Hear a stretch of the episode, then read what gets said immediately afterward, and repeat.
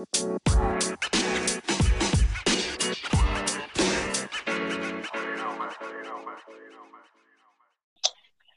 everyone, and welcome back. Setelah yeah. satu minggu kita ngomongin soal um, Irlandia lolos ke Piala Dunia, terus abis itu um, drawing playoff yang udah keluar gitu. Akhirnya keluar juga ya um, drawing Women's World Cup ini. Ini seperti apakah? Um, Oke, okay, kita langsung aja. Um, jadi grup A ini ada Selandia Baru, Norwegia, Filipina, dan Swiss. Menurut kalian gimana sih grup A?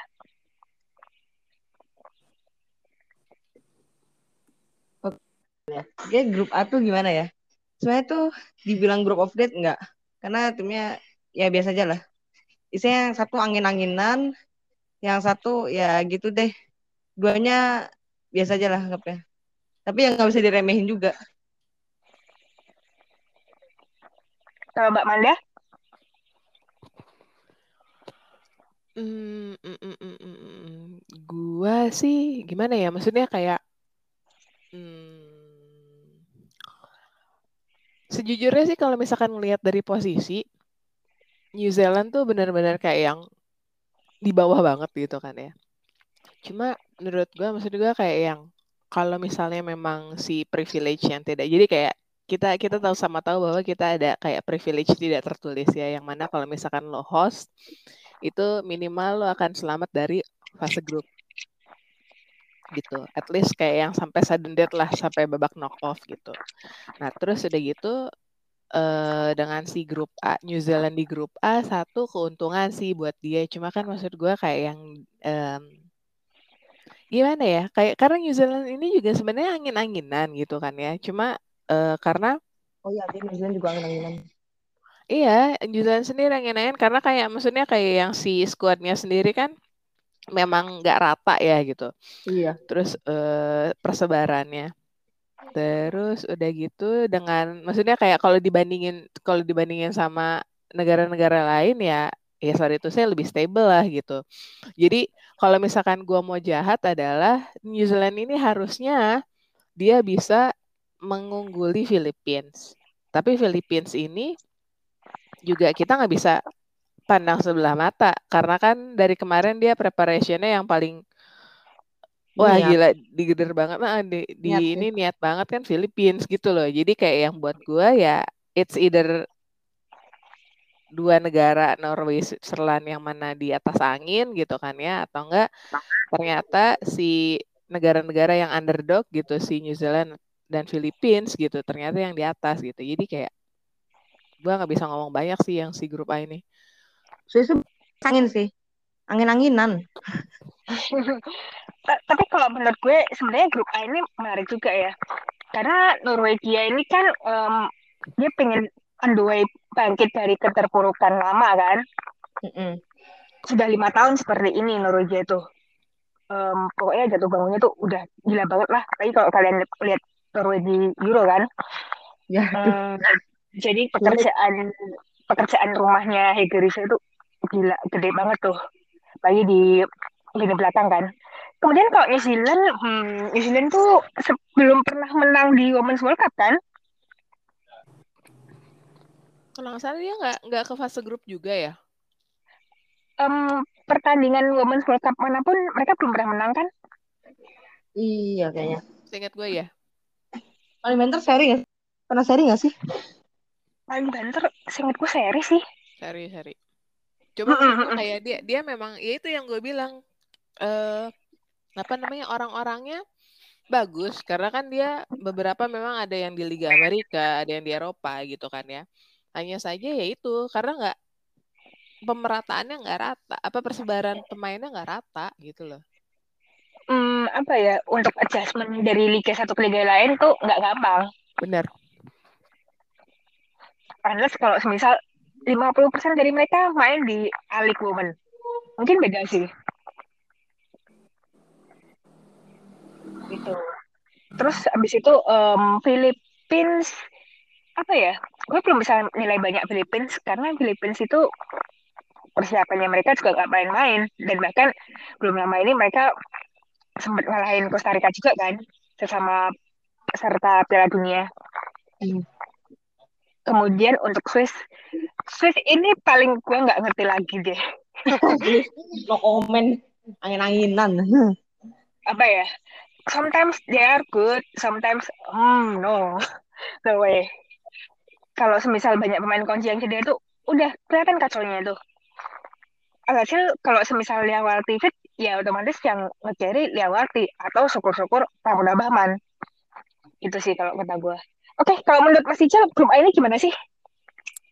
Grup A, grup A ya tadi seperti dibilang Manda ya, mungkin New Zealand punya privilege ya, tapi menurut sendiri uh, meskipun dia dapat privilege gitu ya untuk secara tim skema taktik dan permainan kayaknya masih masih inilah masih di bawah Norway atau Swiss. Cuma di sini mungkin uh, persaingannya bakal ke Filipina ke New Zealand ya. Kalau buat gue sih uh, yang grup A Norway sama Swiss sih. Meskipun uh, Swiss juga angin-anginan ya tapi untuk ngelawan kayak Filipina atau New Zealand ya masih di di atas mereka lah kalau kalau menurut gue ya. dan Norway ini kayaknya mau bangkit juga ya setelah kemarin di Euro juga kita tahu ya gagal total kalau menurut gue ya dengan sekarang pelatih baru Girisnya gimana adjustment uh, apa namanya taktik skema permainannya harus harus ini lagi sih harus harus lebih sharp lagi lebih lebih tajam lagi ketika kemarin di Euro banyak penempatan posisi pemainnya tuh yang salah-salah, pemilihan pemain juga salah, akhirnya kemarin gagal gitu ya. Tapi buat gua grup A Norway Swiss ya, uh, yang mungkin yang bakal lolos New Zealand sama Filipina mungkin ya per untuk uh, rank tiga lah ya. Dan Filipina ya. Tiga mas. Ya sih jangan jangan diharapkan juga gitu. Persiapan juga oke, kemudian mereka juga udah berangkat kayak ya. Training camp di kan dia, jadi mereka juga main iya kan nggak main-main juga. Jadi uh, kalaupun bisa nyulitin sih Filipina mungkin bisa nyulitin Swiss ya. Kalau Swiss nanti bakal benar-benar angin-anginan ya di, di di New Zealand. Jadi buat gue sih Norway Swiss yang yang mungkin akan bakal lolos di di grup A. Hmm. Um, oh ya, gue lupa. Um, jadi Swiss itu pelatihnya bakalan baru karena News Nielsen nggak bakal perpanjang kontrak, jadi akhir tahun ini dia resign ya ini mungkin um, waktunya kurang tepat ya tapi nggak ya. nggak tepat ini sih apa Alan Stajik sih anjir itu sebulan sebelum Women's World Cup dia di sack gitu maksud gue kayak ini kan yeah, masih yeah. ada masih ada inilah timingnya masih oke okay, masih ada spannya gitu dan kita nggak bisa pungkiri juga uh, Lia Walti sama Ramona Bahman tuh leadershipnya bagus gitu kan ya jadi nggak kosong-kosong banget. Sementara kalau kita compare sama yang Australia di Women's World Cup kemarin kan ini banget apa namanya uh, ya kosong banget lah gitu sampai kayak kita nggak tahu emang siapa sih the next um, apa namanya the next uh, coachnya gitu kan ya benar-benar clueless sementara kalau buat gua sih Swiss banyak orang dengan leadership bagus jadi nggak terlalu dengan dia apa dengan si pelatihnya resign nggak terlalu inilah nggak terlalu mengkhawatirkan lah. Benar banget. Oke, kita balik ke grup B di mana kebanyakan orang mulai bilangnya tuh ini tuh grup maut. Tidak. maut maut pak. ya, di mana, jadi di mana tuan rumah tuan rumah Australia ini satu grup dengan Irlandia, Nigeria dan Kanada.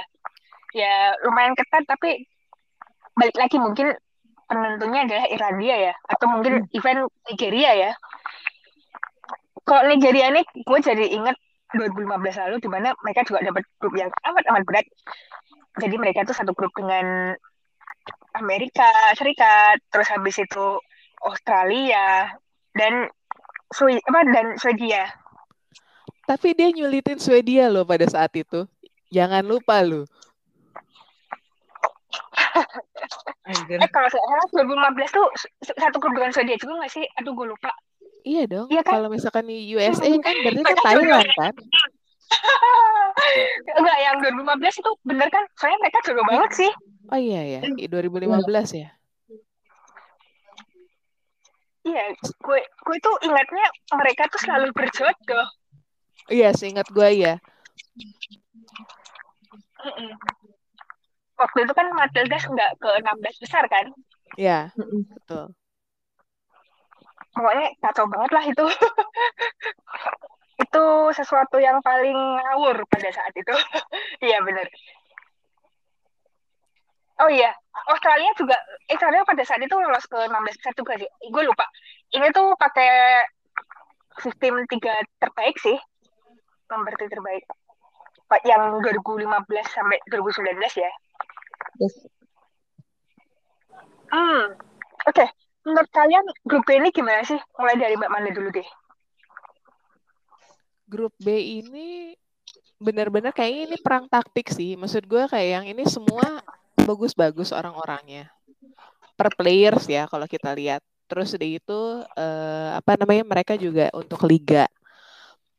Apa maksudnya kayak mereka juga banyak main di liga besar gitu kan ya. Maksudnya ter, uh, termasuk Nigeria gitu. Orang-orang mungkin kayak yang nggak tahu Nigeria siapa gitu kan ya. Cuma kayak banyak banget dari Nigeria tuh jebolannya kan bagus-bagus juga. Cuma masalahnya ada bukan masalahnya sih. Jadi kayak yang memang ini pertarungan antara ini seru sih maksud gue kayak dari dari kema dari tadi kocokan juga kayak si coachnya juga oh, oke okay, ini pertarungan antara coach dan coach gitu kan ya.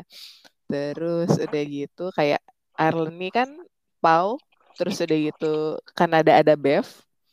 Nah terus um, apa namanya ya itu jadi kayak yang benar-benar selain dari um, punggawanya sendiri gitu kan ya. Kita kita bisa lihat kalau misalkan ini gimana ya taktiknya. Karena memang maksud gue kayak buat gue Kanada nggak mungkin ngelepas begitu aja gitu kan ya setelah um, medali emasnya di Olympics kemarin gitu kan ya. Mereka ngerasa bahwa wah gue di atas angin nih gitu terus udah gitu Australia juga host tapi um, ya jangan dilupakan bahwa kita punya kutukan bahwa siapa pun yang nge-host Piala Dunia nggak akan masuk ke final gitu kan ya.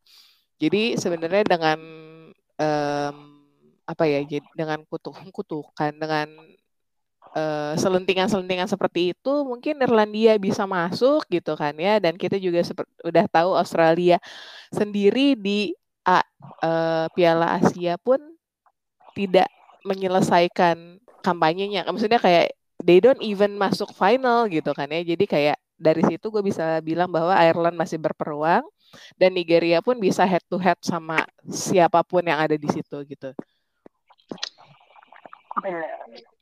Um, kemudian Raifa gimana nih grup B? Grup B gimana ya? Oh. Aku ngeliat Ireland kemarin kalau ngeliat dari Ireland kemarin pas lawan Australia, aku jadi kayak Ireland masih punya harapan sih buat lolos. Kalau misalnya Aussie yang ngeflop, Aussie itu kan kan kadang suka ada aja ngeflopnya kalau World Cup tuh. Ingat gak 2019 yang tiba-tiba tahu-tahu tuh kalah sama Italia. Yeah. Masih alhamdulillah sih yeah, masih yeah. lolos. Um, nah, apa kan? ya? Australia itu under... ada aja yang ngeflopnya. Filis. Um, sejujurnya Australia under Tony Gustafsson ini gue nggak terlalu impresi. Ya, yeah, betul. Hmm. Oh, itu masih TG. Kemudian oh, juga dan Nigeria kemarin. Kalau Kanada bisa lah ya. Um, well, kalau Mas Ijal, menurut Anda grup B gimana sih? Grup B Australia. Australia tuan rumah ya. Ini bakal jadi rame ya dalam artian uh, publik sepak bola Australia dengan uh, timnas ceweknya yang jadi tuan rumah. Kemudian uh, apa namanya uh, punya performa oke lah. Banyak pemain yang oke juga di di Eropa gitu ya. Cuma uh, Australia ini kalau yang gue lihat ini bakal bersaing ketat Nigeria sama Kanada ya. Kanada mungkin ini jadi apa ya generasi emasnya mereka lah kalau misalnya mereka bisa oh sorry kalau misalnya mereka lewat gitu aja di Women's World Cup kayak gini ya mungkin di next mungkin mereka ya nggak dapat apa-apa lagi karena ini memang udah kayak line mereka nih ini uh, generasi emas mereka dengan pemain-pemain bagusnya gitu ya jadi harus diterusin lagi sih legasinya ketika kemarin. Di Concacaf juga oke okay lah performanya si si Kanada ya. Cuma di sini Nigeria nih bakal jadi kuda, uh, kuda hitam ya. Dalam artian di Afcon kemarin meskipun ya nggak nggak bagus-bagus amat tapi dapat peringkat empat di Afcon juga cukup nyulitin juga di Afcon kemarin. Jadi uh, Australia, Nigeria, Kanada ini bakal bersaing ketat sih. Australia sebagai tuan rumah, Kanada dengan golden uh, startingnya ya pemain-pemain bagusnya. Dan uh, Nigeria juga ya banyak pemain yang oke okay lah. Kemarin Afcon juga juga oke okay gitu. Cuma Irlandia Irlandia ya sebenarnya ada peluang lolos. Cuma bakal bakal berat sih bakal berat. Meskipun ya ada beberapa pemain yang main di uh, Inggris gitu ya. Tapi menurutku uh, Irlandia bakal bakal bakal ini sih bakal kesulitan sih di sini menurutku ya menurutku ya. Cuma Australia Nigeria Kanada bakal bersaing ketat. Dan mungkin kalau misalnya kalau menurut gua lolos dari fase grup sih mungkin Australia Kanada sih. Well um, berarti grup ini ya memang cukup tricky ya. Um. Australia kita tahu um, mereka lagi up and down under Gustafsson kemudian Irlandia billing Irlandia ya. Um, kadang kalau lagi oke okay, oke okay banget tapi kalau lagi down itu itu luar biasa sih parahnya. Kemudian um, interesting sih lihat Nigeria dengan the best individualnya kayak Asesat Oswala terus habis itu Rasidat Ajibade. Terus dan tentu saja tidak lupa ada Ujian Latano ya. Oh.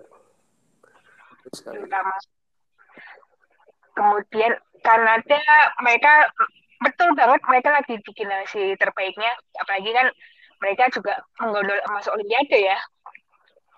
Yes. Di konkakaf um, betul konkakaf juga um, sebagai runner up. Tapi ya ini mah kalau konkakaf woman mah turnamen kualifikasi doang gitu. Tapi ya tetap sih memang um, mereka berada di generasi terbaiknya. Ya mungkin bisa banget sih um, Australia kalau nggak lolos kebangetan Kanada juga sih Oke, kita ke grup C. Jadi Spanyol itu satu grup dengan Costa Rica. Ini seperti tahun 2015 lalu. Gue jadi inget gimana um, Costa Rica ini pernah menahan imbang Spanyol pada tujuh tahun lalu. Di di bawah pelatih yang sama yaitu Amelia Valverde gitu loh. Kemudian selain Spanyol dan Costa Rica di grup ini ada Zambia yang baru pertama kali lolos ke Piala Dunia dan mereka juga lolos ke Olimpiade tahun lalu kan? Iya. Yeah. Dan tentu saja ada Jepang juara dunia 2011. Menurut kalian grup ini gimana sih? Apalagi Spanyol ini kan bisa aja tanpa pemain terbaik mereka kan? Oh iya, 15 pemain cabut. Walat, walat. Uh. Oke, okay, starting sekarang giliran masih jago dulu.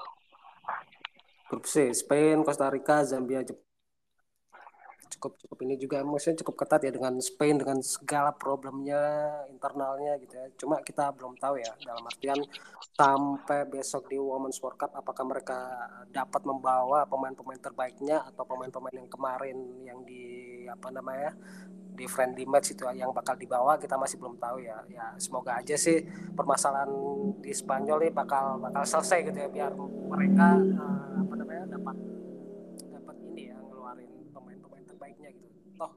juga ya mereka mereka ini pemain-pemain ini kuncian yang bisa ngangkat Spanyol gitu cuma ya kita kita lihat ke ininya lah uh, sebelum berangkat mereka bawa pemain siapa aja gitu cuma Costa Rica Costa Rica ya begini Costa Rica ini bakal jadi bulan-bulanan ya di di grup C menurut menurut gua ya Zambia, Zambia ini kan peringkat tiga kalau nggak salah di Afcon uh, cukup nyulitin juga dari Maroko yang kemarin di semifinal kalau nggak salah itu. Jadi Zambia ini cukup patut diwaspadai juga, bakal jadi kuda hitam juga kayak Nigeria yang di grup B. Jepang, Jepang, Jepang kita ya udah udah tahu kekuatannya kayak gimana raksasa Asia gitu ya. Cuma uh, untuk melawan tim-tim Eropa juga oke okay lah Jepang. Kalau menurut gua sih kalau yang dari grup sih yang bakal lolos sih Spain sama ini sih Jepang. Cuma Zambia ini cukup harus uh, apa patut diwaspadai ya karena mereka sulitin sih. Jadi, ya Spain Jepang lah. Semoga aja semoga aja ya Spain Spain ini dapat ini ya membawa pemain-pemain terbaiknya jadi bakal lebih lebih lagi lah lebih lebih strong lagi. Oke, okay. um, Mbak Manda, gimana nih grup C menurut Mbak? Terutama Jepang ya? Grup C ini benar kata Ijal tadi sih yang uh, Ijal bilang bahwa apakah memang pada akhirnya Spain bisa detik detik-detik terakhir bisa convincing orang-orang yang jauh dari grupnya gitu kan ya dengan membawa oke okay, gue berubah gitu kan ya dan membawa perubahan atau uh, deal-deal yang lain gitu kan ya karena hmm. sejujurnya kemarin tuh walaupun yang pas uh, friendly against USA gitu kan ya sejujurnya USA juga bukan uh, bukan dalam kondisi yang terbaiknya dia gitu kan ya jadi ya sorry itu saya ya Spain lo jangan gede kepala gitu bukan bukan karena lo lo jago jadi lo nya ini maksudnya kayak lo berprestasi enggak gitu. Jadi um, cuma cuma masalahnya lagi adalah Jepang. Jepang itu setelah si Sawa pensiun lagi-lagi gue keluarkan nih jargon gue setelah Sawa pensiun Sawa kan koho sama Ayam Yama terus udah gitu uh, mereka berdua pensiun dua-duanya hilang gitu kan ya. Kemudian dia um, jatuh ke Ayah Sameshima gitu. Yes. Terus dari itu nah si Ayah Sameshima ini kohos sama Saki gitu kan. Masih bagus gitu karena ya memang Sameshimanya yang bagus gitu. Leadernya dia bagus cuma kalau Sameshima sendiri nggak ada lah bagus-bagusnya gitu sama Saki. Nah masalahnya adalah pas Olympics kemarin di Jepang Saki itu being Saki failure banget hidupnya gitu kan. Karena si Sameshima nggak dibawa. Hmm. gitu. Jadi dia jatuhnya di situ. Kalau Jepang nggak punya figur leader yang bagus gitu kan ya. At least Saki dipasangnya nama siapa sih? Sama um, Iwabuchi. Iwabuchi lah gitu kan ya. Iwabuchi jadi kayak gitu tuh itu masalahnya. eh Asagawa Oh, nah, Hasegawa terlalu muda. Buat gue Hasegawa enggak ketawa yang ada mereka di tengah lapangan gitu kan. gitu. At least at least Iwabuchi sama Kumagai gitu. Iwabuchi ah, iya. maintaining uh, health-nya dia sampai 2023 gitu kan ya jangan cedera-cedera Kumagai ini maintaining bahwa eh gue bisa jadi leader dong gitu kan ya itu bisa Jepang dengan begitu Jepang bisa jadi lead grup C buat gue gitu. Sementara Costa Rica sama Zambia sendiri, Zambia memang petasan ya buat gue gitu. Jadi kayak yang um, sesuatu yang tiba-tiba puff gitu ke atas. Dan ini kan si Women's World Cup pertamanya dia gitu. Pasti dia mau mau tampil lah at least gitu kan ya, rame ngerame-ramein gitu. Nah, se sementara dia gue bilang bakal head to head sama Costa Rica. Both of them keras gitu kan ya. Terus udah gitu kita jangan lupa Costa Rica punya Rocky Rodriguez oh, gitu. Rocky. Ya kan? Jadi ya. pasti head to headnya jago banget gitu. Jadi um, Deus would be again interesting match. Gue pengen tahu seperti apa. Tapi grup C lah leader Jepang lah buat gue. Uh, betul. Um, Raifa, next. Ntar, mau ngerosting, ada yang mau tak roasting, masih jalan dulu aja deh. Udah tadi kan? Udah. Oh, udah. Oke, okay. okay, tinggal aku ya. Oke, okay. okay. tinggal lu. Oke, okay. kamu roasting salah satu tim yang UEFA seperti biasa. ya, gimana ya, Mereka bisa sih lolos. Ya, dengan 15 pemain yang cabut itu, tapi lu makin jago, itu bukan berarti emang lu jago. ya, kualat. Dan kalau misalnya 2023 masih lanjut kayak gitu, yang kayak gini masih lanjut ya, parah sih apalagi kalau sampai nggak lolos ya. Kalau Jepang gimana ya? Jepang ya bener ya tadi Kak Manda bilang. Sakit tuh ya butuh ini satu orang buat koopnya koop atau apa sih istilahnya itu? Yang buat oh, yang kaptennya lah. Oh, kapten gitu. Berdua aja semoga mana Iwabuchi nggak cedera-cedera terus. Semoga sehat terus lah sampai World Cup. Terus Jepang bisa lolos ya mau saya Jepang oh, sih. Iya. terus Costa Rica Zambia ini agak sulit sih. Menurut itu saya mereka walaupun yang tadi yang head to head tadi itu tapi uh, peluang lolosnya sulit. Jepang jangan lupa loh Jepang tuh ada Hina Sugita juga Hasegawa. Yuika Sugasawa ah yes Sugasawa. Tapi kemarin highlight tuh Sugita sih. Iya. Sugita tuh di jadi naik banget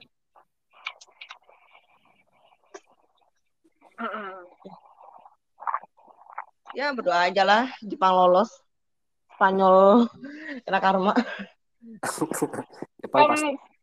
Kalau gua ingat um, tujuh tahun lalu kayak gini sih, mereka satu grup sama Costa Rica terus nyusap.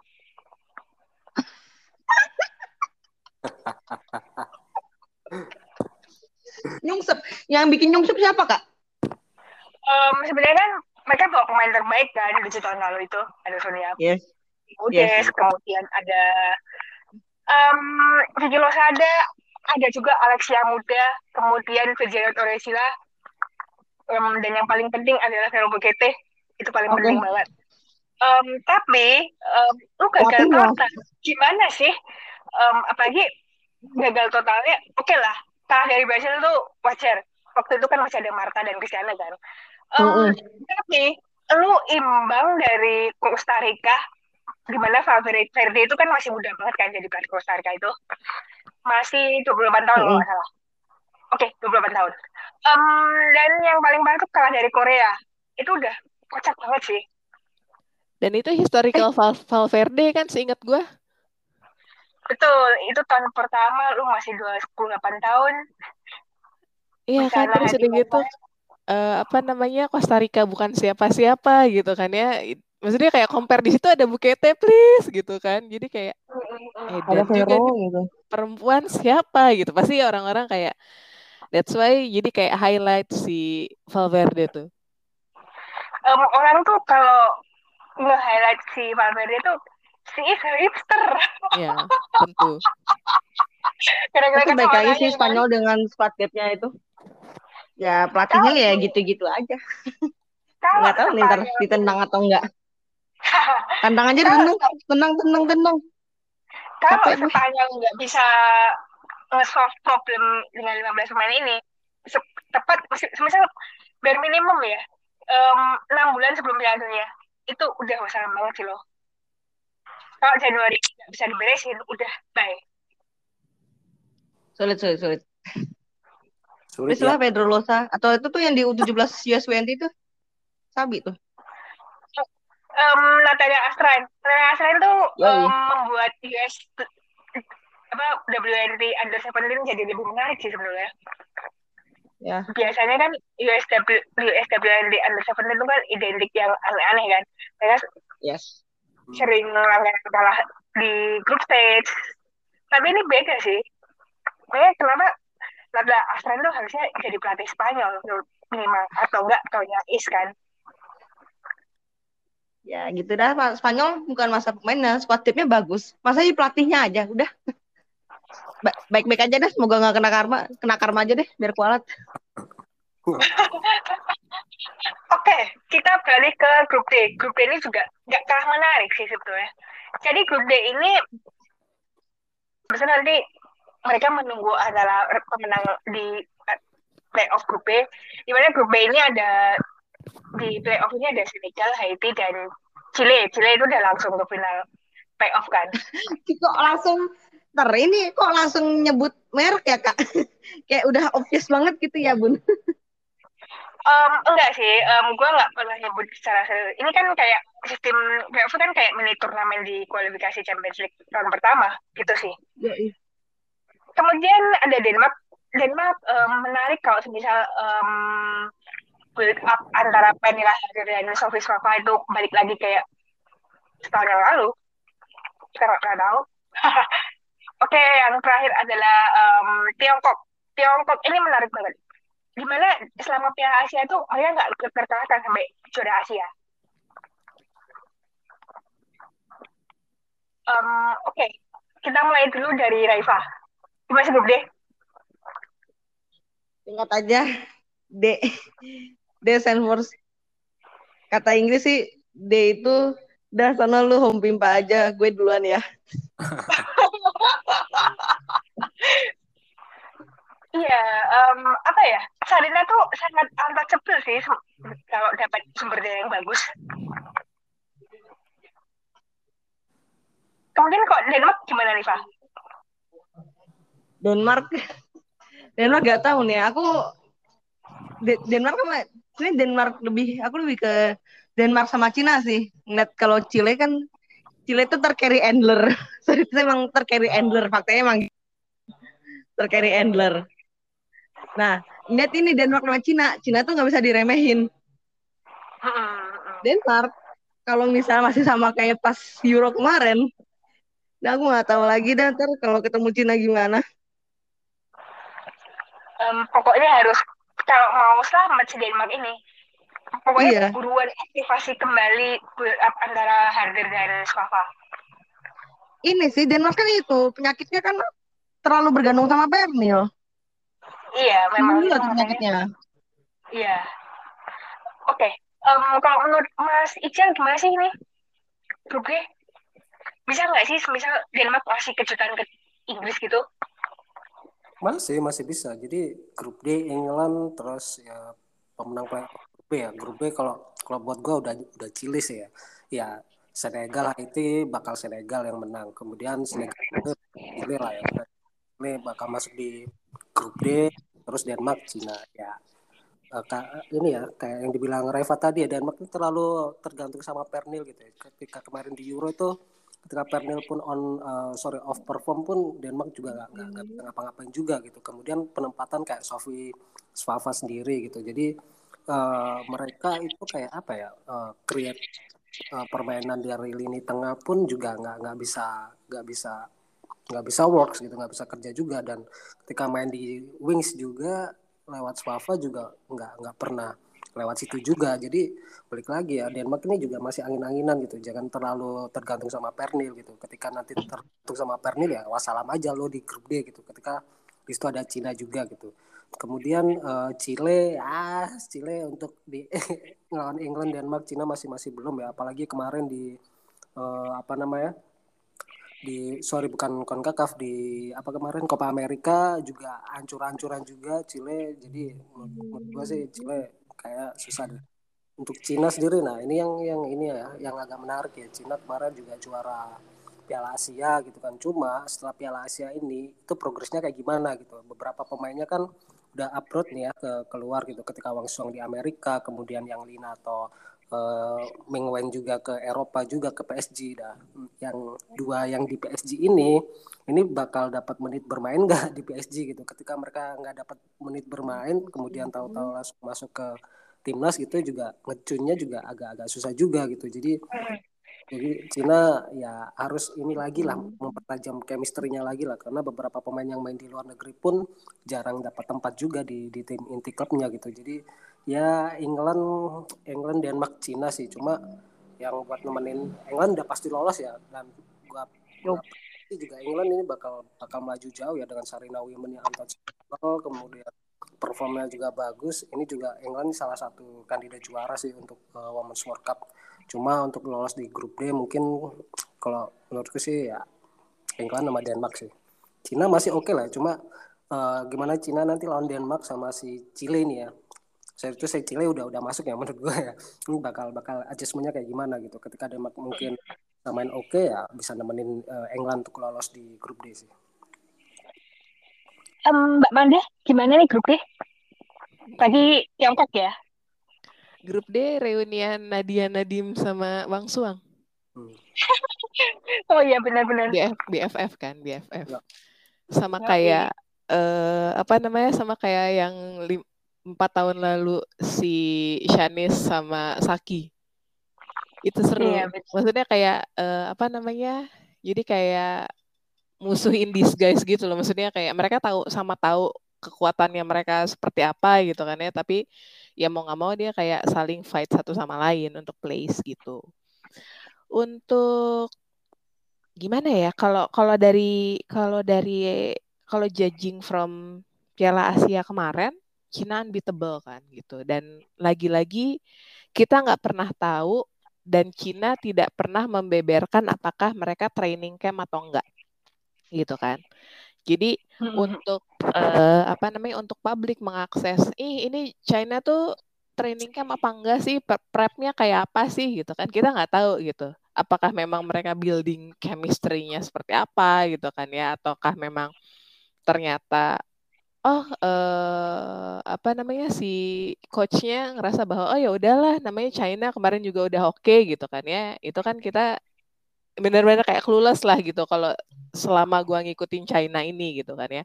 Tapi yang pasti kemarin itu semua hampir semua um, negara Asia Timur, which is yang AFC, Jepang, Cina dan Korea Selatan, mereka kayak yang tahu rasanya, maksudnya kayak yang mereka bangkit terus di itu kemudian bener-bener kayak like I'm fighting for this place gitu. Jadi jangan sampai gua tidak qualified ke Women's World Cup gitu. Karena mereka tahu rasanya untuk uh, tersingkir di awal-awal gitu. Jadi buat gua sih China akan melakukan hal yang sama gitu untuk maksudnya kayak ya Denmark doang mah pasti dibabat sih sama China gitu kalau misalkan memang penampilan Denmark seburuk yang di Euro abis tuh sama China buruk banget kemarin. Maksud gue kayak yang iya. event event Korea Selatan pun bisa ya sorry itu saya Korea Selatan kan the lowest of dari China sama Jepang ya gitu. Event Korea iya. Selatan pun bisa beat Denmark gitu pada saat itu. Dan lagi um, orang-orang katakanlah squad China yang ada di Eropa juga kayak yang oh jadi yang permainan Eropa tuh ya segini gitu kan. Maksudnya kayak itu bare minimumnya Denmark yang kemarin di Europe tuh gitu. Jadi kayak lah gue bisa lah gitu.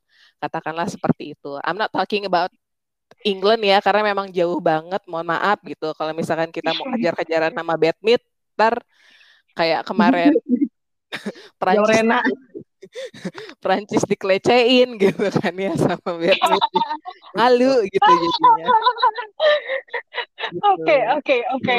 Kalau uh, Chile sendiri buat gue ini bisa kesempatan buat Endler belajar karena um, apa ya untuk di pemain China sendiri dia juga maksudnya kayak yang itu interesting juga buat Endler karena kemarin pas gue lihat dia mainnya agak gimana gitu kan ya jadi gue oh, oke okay. jadi apa ya um, gue bisa yakin 100% bahwa dia adalah the last man standingnya grupnya dia gitu loh jadi kayak yang untuk dia dapat serangan-serangan dari tiga negara ini would be interesting pengen tahu gimana caranya si Endler jadi brickwall-nya negaranya dia. Um, well, grup T ini gimana ya? Inggris mungkin masih untouchable. Kemudian grup B yang kemungkinan kemungkinan um, ini milik Chile. Ya Chile ini apa ya? Endler lagi underperform sih gue rasa yeah. setelah ngelihat um, Champions League kemarin. Hmm, jadinya menurut gue susah sih. Kalau Denmark ini Denmark itu di Piala Eropa kemarin kacau banget kan. Tapi kalau Bayern udah off, itu satu tim bakalan kacau jadi seorang kayak Slava juga nggak bisa ngapa-ngapain gitu loh Lagi Catherine Cole kan juga masih muda banget kan nggak mungkin dia nge-carry sendiri kan kemudian um, Tiongkok Tiongkoknya menarik sih. Um, mungkin mereka bakal ngejalan Denmark banget sih. Jadi kok Denmark masih um, underperform kayak kemarin ya uh, udah sih bakal kalah nyesek lagi sih. Kayak di Euro. Iya kalau kalau kita kalau kita bandingannya Euro dan maksudnya kayak performance Denmark di Euro dan performance China di Piala Asia kemarin ya gitu kan ya. If that's the last ininya gitu kan ya. Udah selesai China tuh powerful banget kemarin di Asia di Piala Asia. Iya. Iya, um, uh, kalau lihat performa China di Piala Asia kemarin saya sulit ya lihat Denmark untuk survive. Oh ya. Even untuk even untuk peluang untuk ngupset seorang Inggris ya. Cuma sih. Hmm. Oke, okay. kita ke grup E. Grup E oke okay lah. Um, di sini ada Amerika Serikat sebagai juara bertahan. Kemudian Vietnam um, yang lolos dari empat besar ya, kayak bener kan? Empat besar kan? Iya, ya um, di Piala Asia tuh. Yeah. Kemudian ada Belanda. Eh, enggak, ini playoff, playoff, playoff yang bareng sama Thailand sama oh, iya. Taipei. Eh? Oh iya iya iya iya. iya. Oh, oh iya, um, yang ke semifinal kan Filipin. Ya betul. Oh iya, oh iya, astagfirullah. Um, ya Vietnam ini dari jalur um, playoff posisi kelima ya kalau nggak salah ya. Ya, posisi kelima. Iya, yeah, well. Um, kemudian Belanda Belanda juga mirip sih angin-anginannya dan kemudian ah, Belanda men menunggu pemenang antara yang dari grup A playoff ini. Jadi playoff grup A ini ada Kamerun, Thailand, dan Portugal. Um, Oke, okay. sekarang dulu dari Mbak Amanda, gimana sih grup E? Ini tuh kayak deja vu balik lagi ke 2019 ya, di mana posisi Vietnam adalah Thailand gitu kan ya. Terus sedikit gitu isinya USA, Sweden, sama si playoff ini digantikan sama um, apa sih Costa Rica? Eh, kok Costa Rica? Chile. Chile bener-bener dengan Chile gitu kan ya. Maksud gue kayak untuk gue pengen positive thinking buat Vietnam tuh susah karena tadi Carly Lloyd aja udah ngecilin Vietnam gitu ngerti gak gue pengen pengen marah pengen ngebantu kak gitu. nggak usah ini Carly Lloyd kak kak nggak usah kak itu idolanya mbak Nin abaikan aja kak enggak itu um, omongan Charlotte itu penuh dosa gak usah didengerin Kesel loh, maksud gue kayak tadi pas dikocok pas Vietnam namanya muncul tuh kayak mukanya kayak gitu, sepele gitu. Apa ya, kebiasaan orang Amerika sih. Karena kan sejujurnya Vietnam itu adalah super power kan di AFF tuh. Dia beberapa kali iya. menang piala. Si uh, juga macam emas mulu gak sih kak? Ya kan, gitu loh. Maksud gue kayak gue sih bangga gitu kalau kalau ngomongin Vietnam gitu. Cuma masalah, masalahnya adalah kan USA. Cuma USA juga kita lihat sekarang lagi turun juga kan sebenarnya. Gitu kan. Enggak bukan bukan di posisi terbaiknya dia. Coachnya juga ya wassalamualaikum kayak begitu gitu kan ya. Jadi memang hanya mengandalkan pemain-pemainnya gitu ya. Kalau Megan Rapino, Megan Rapino lagi yang dibawa ya susah gitu buat gua. Maksudnya kayak kejadian lagi di Olimpik Sumaren gitu. Itu kan benar-benar kayak tim veteran yang mereka bawa gitu kan ya, instead of tim-tim muda gitu. Nah, sementara sementara Netherlands ini apakah Netherlands mau mengulang yang sama seperti laki-lakinya juara tanpa mahkota gitu kan ya which is di posisi kedua terus gitu kan ataukah memang mereka um, apa namanya oke okay, gue ini nih uh, karena kemarin udah posisi kedua sekarang posisi pertama lah gitu. Jadi buat gue dengan um, US and Netherlands ini apa ya me, standing posisinya udah jelas siapa pun yang jadi juara siapa pun yang jadi juara grup gitu kan ya untuk si grup E ini gitu kan. That would be itu adalah uh, grup pertama yang memastikan diri ke semifinal buat gue Hmm, fair. Oke. Ya karena kan um, kemarin kemarin kan dia kedudukannya seperti itu gitu. Sementara kalau misalkan yang terakhir, gue sih uh, kayaknya lebih ke Portugal gitu. Cuma ya again Portugal kita nggak bukan nggak tahu ya maksudnya kayak Portugal juga katakanlah kalau memang itu Portugal gitu kan ya Portugal juga seperti itu mainnya against Netherlands juga bisa kemarin maksudnya kayak kalau judging dari Euro kemarin juga Portugal keteteran gitu. Paling dia kalau mau lawan Vietnam dan dia landing di posisi ketiga gitu. Oke. Okay. Okay. Um, menurut Mas Ica gimana sih nih grup E ini? Uh, grup E USA, Vietnam, Belanda sama pemenang playoff uh, untuk grup A ya. Grup A sorry itu saya gua harus bilang ini Portugal karena Kamerun Thailand pasti Kamerun, Kamerun Portugal udah jelas Portugal lah dari segi kualitas uh, permainan dan uh, individu skill pemain ya. Coba kalau dari grup E, nah ini yang menarik adalah uh, USA ini adjustmentnya kayak apa nih? Karena di uh, kemarin di Concacaf juga ya oke okay lah juara, cuma uh, ini tim itu masih belum kompleks sebenarnya uh, masih mencari-cari kekuatannya gitu. Apakah mereka mau membawa pemain veteran? Apakah mau membawa pemain-pemain yang ya yang masih masih emas lah ya umur 25 26 gitu ya. Hmm. mereka masih bingung di situ gitu. Dah ketika mereka mengkombin itu kayaknya masih agak kesulitan gitu sebenarnya. Apalagi terutama di lini tengah dan lini depan gitu. Beberapa pemain muda ditaruh di situ tapi ya cuma gitu-gitu doang gitu ya dari USA sendiri gitu Kemudian Vietnam ya meskipun uh, dari Asia atau Asia Tenggara ya harusnya kita berbangga gitu ya bisa masuk ke Women's World Cup. Cuma buat gue juga Vietnam ya sorry itu saya uh, walaupun di AFF superior dan uh, apa ya nggak uh, terkalahkan atau susah buat ditandingi untuk masuk di layar ini juga agak kesusahan. Jadi kayak Vietnam bakal paling enggak nggak kebobolan banyak dari USA Belanda sama itu udah bagus banget sebenarnya gitu. Vietnam gitu kemudian Belanda. Belanda kalau menurut gue sendiri sih uh, lu besok ke apa Women's World Cup ini aja deh bawa semua pemain Ajax saja udah. Pemain-pemain yang kemarin di Euro tinggalin aja semua itu nggak nggak guna. Jadi apa ya Belanda kemarin di Euro kalau judging dari Euro ya itu ya balik lagi ya uh, sistem defense kanan itu penting uh, buat Belanda Tanya besok di World Cup ini di, di ini lagi lah diperbaiki lagi ya sisi defense kalau misalnya nggak mau keteteran non Vietnam atau at uh, Portugal gitu. Dan ya Portugal lah ya, gue bisa bilang di sini ada Portugal. Portugal ini menarik sih sebenarnya kalau menurut gue juga kemarin di Euro itu oke okay lah uh, kalah dari Prancis, kalah dari, uh, dari Belanda gitu ya. Cuma mereka kan nyulitin gitu, nyulitin Belanda sama Prancis dan progresnya tuh cukup cukup pesat. Kemudian kemarin di friendly match juga uh, beberapa kali menang gitu ya. Cuma yang aku lihat dari Portugal ini adalah mereka tuh punya modal speed, punya modal skill individu. Cuma bagaimana eh, caranya adjustment taktik sama permainannya tuh belum belum jelas dan makin ke sini kalau aku perhatiin ya itu mulai agak tertata nih agak tertata. Nah mereka punya waktu let's say enam bulan atau berapa bulan inilah ya untuk itu gitu ya.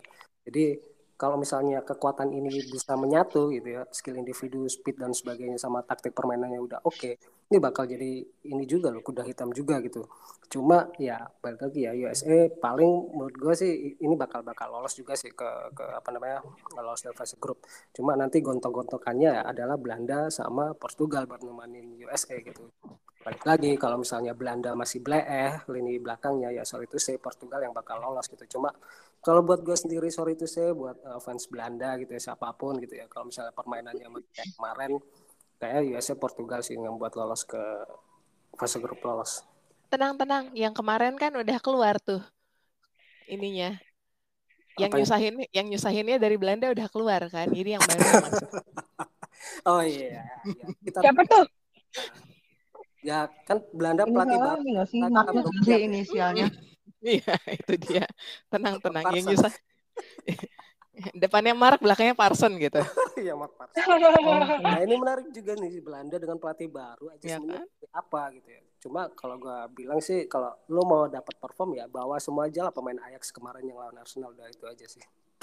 Um, kalau untuk defense aku setuju sih um, back-back Ajax itu perlu dikasih tempat lah.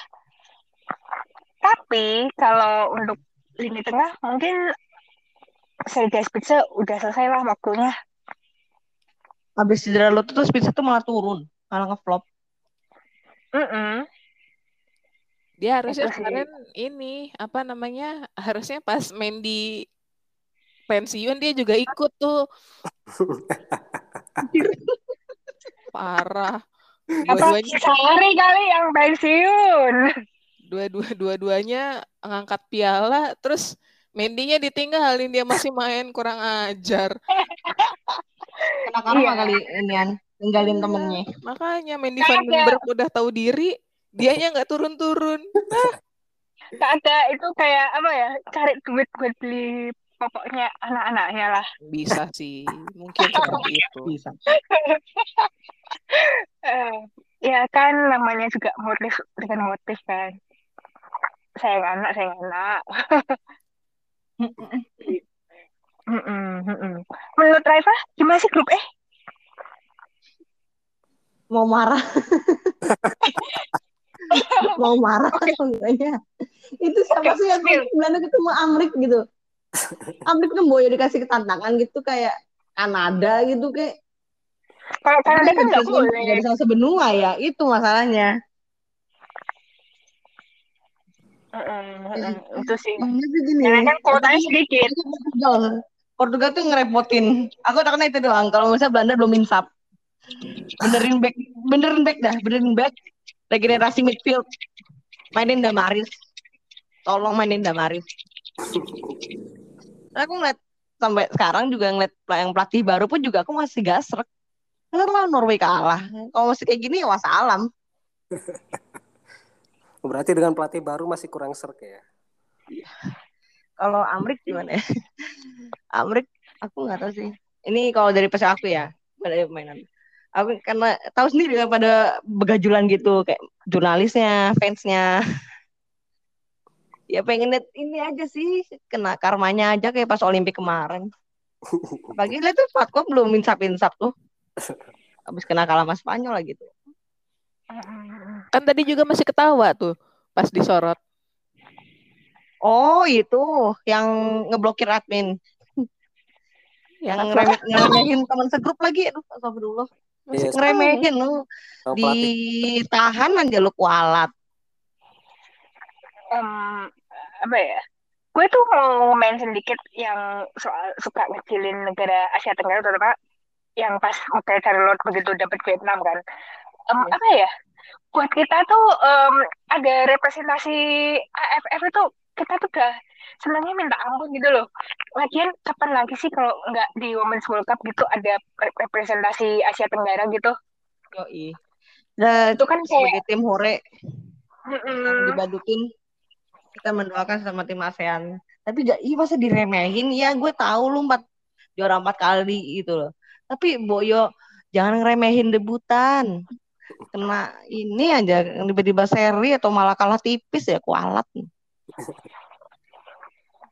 Akhirnya yeah. beneran dulu tuh, tuh pemain oh, apa ya? My concern apa um, my concern adalah USA. USA itu kan kita tahu um, kalau di Belanda itu kan mereka nggak pernah bawa pemain muda kan. Itu jarang yeah. banget kan. Paling kayak Regina ribet. Kayak musim lalu kayak musim lalu tuh paling yang di apa lima tahun lalu tuh paling yang dibawa si siapa? Um, Lavel gitu kan. Macam lagi sih? Sullivan. Sullivan. Sullivan. Oh iya Sullivan. Terus habis apa lagi? Smith. Ya gitu. Itu apa sih pemain baru si Helimes sama yang pas trendy kemarin kan ada anak 17 tahun. Lupa oh iya ada anak anak 17 tahun tapi dia belum masuk college sih pada saat itu emang apa yang iya. sekarang ini tapi kan cuma dipanggil-panggil aja. Gue nggak tahu kalau misalkan dia bakal masuk ke squad utama apa enggak. Itu yang masalahnya sih. Panggil-panggil sama um, aja. Gue masih sakit hati dia si Wever dipanggil kagak dimainin abis itu. Mainnya cuma bentar. Um, apa ya? Jadi tuh um, USA kalau bisa harusnya bisa lah membuktikan um, lu tambah pemain senior bisa adjust gitu loh. Nggak kayak kemarin pas lawan Spanyol itu hancur banget loh. Hancur kayak... kayak mereka lagi regen juga sih lagi nyoba regen tapi ya itu belum tektok belum belum tek gitu sama ininya polanya. Mm -mm. itu yang jadi konsep utama sih Oke, okay. grup E mungkin udah penuh emosi semuanya jamaah. Jadi kita balik ke grup F aja ya. Um, iya, jadi grup F aku minta terakhir soal aku pengen marah aja sih. oh, grup F ini ada Perancis, Jamaika, Brasil dan pemenang antara eh pemenang playoff di grup C. Jadi grup C ini yang di playoff ada Paraguay, Papua Nugini dan Panama. Eh, Panama. Ada juga Chinese Taipei. Yes um, jadi ini grup C ini amat-amat terbuka banget sih. Grup F. Um, ya. Um, oke. Okay. gue mulai dulu sekarang giliran Raifa gimana sih grup F ini? Grup F. Gimana kalau lihat itu? Kalau lihat grup C yang kan ada ini ya grup C interkontinental ya. Terus Jamaika iya. Brazil. Wah Brazil sama itu ketemu lagi. Sama Prancis ini kalau lihat Prancis walaupun ya begitulah uh, kalah-kalah mulu akhir-akhir ini. Tapi ngeliat isi grupnya kayak gitu harusnya mereka bisa bisa lolos. Juara grup lah. Antara itu sama Brazil. Tapi Brazil ya gak bisa diremehin juga. Brazil kan pelatih itu Pia kan. Ya dan seorang Pia Sun Hagi mah aku lupa baca gimana. Dengan mukanya Pia nggak tadi? harusnya bisa lah lolos. Mukanya Pia nggak tadi? Mukanya kayak yang oke okay, easy oh iya apalagi um, Brazil sekarang Anggapnya itu jadi lebih rapi terus variasi pemainnya nambah banyak gitu. Gue jadi yes. belajar belajar banyak ini pemain siapa siapa sih di Liga Brasil gitu. Um, tahu ntar iya. tapi bakal naik ini si Prancis sih kalau Prancisnya masih caur kayak sekarang. Bisa aja Brazil juara grup. Oke. Okay. Um, menurut Mbak Manda, grup F ini gimana sih? Tadi pas ngeliat mukanya Pia tuh kayak yang hey Prancis gitu mukanya tuh kayak gitu ya kayak ini Pia punya agenda apa di belakang gitu. Karena maksudnya kayak dibandingin sama coach-coach yang lain tuh kayak Pia yang santai banget gitu pas uh, kan Prancis duluan kan diumumin. Terus udah gitu Brazil, disorot lah Pia kan. Terus udah gitu disorot si Korin. Korin tuh kayak kayak anjir Brazil Brazil gitu. Sementara Pianya juga kayak easy kayak mau apa main ukulele gitu loh kayak biasa kan dia. Gitu jadi kayak yang something kayaknya Pia punya agenda tersendiri di belakang gitu karena maksudnya kayak kita tahu yang uh, generasi uh, golden age-nya Brazil kan udah pada turun semua kan Marta Cristiani terus di gitu um, apa bahkan Formiga pun udah nggak ada gitu kan. Ya this is the first time uh, World Cup without Formiga gitu kan. Jadi buat gue kayak itu seru buat ngeliat Brazil regenerasinya seperti apa. Maksudnya kayak hey even Brazil regenerasi loh gitu. Halo USWNT gitu kan. Anda mau ke mana? Gitu. Hmm. Terus eh, benar kata Raifa tadi, kalau misalnya Prancis masih oh on jay kayak kemarin gitu kan ya. Dan emang ini on sih. Ya, dan kata Toto tidak sama dan kata Toto tidak sembuh sesuai dengan jadwal gitu kan ya, katakanlah gitu. Jadi kayak eh, beberapa slot pincang dan kosong di mana-mana gue lagi ngeliatin ini nih gue lagi ngeliatin squadnya Jamaika. Ngeri juga. Ada Khadijah Show jangan lupa saudara-saudara. Gitu. Drew jangan lupa loh kak. Drew Space loh. Drew Space pilih Jamaika loh. Drew Space positif pasti dia masuk squad loh. Iya kan? Ada Havana Solaun juga kemarin yang nyetak gol, gol satu-satunya. Iya betul betul. Uh, menarik sih ini grup F ini Jamaika apalagi Indonesia lagi on fire ya. Iya, betul. Harusnya ketika tim kayak kayak um, Prancis dan Brazil harusnya bisa. Bisa banget. Jadi tolong Prancis dikurang-kurangin cederanya gitu kan ya. Kalau nggak lu pitak di mana-mana gitu kan ya lapangan gitu. Jadi si Jamaika bisa masuk gitu. Kalau misalkan memang lebih bagus taktiknya dari yang kemarin Euro mungkin bisa nahan Jamaika gitu gitu menurut gua. Hmm, Oke, okay. menurut Mas gimana sih ini grup F? Grup F, Prancis, Jamaika, Brazil, sama pemenang playoff grup C. Playoff grup C. Grup C itu Chinese Taipei, Paraguay, Papua Nugini, Panama. Ya, Paraguay lah. Masih jauh, Jal. Masih sorry, jauh. Sorry, iya, sorry itu saya cerita Taipei, Papua Nugini, Panama ya. Ba pasti bakal Paraguay sih yang, yang masuk ke sini gitu.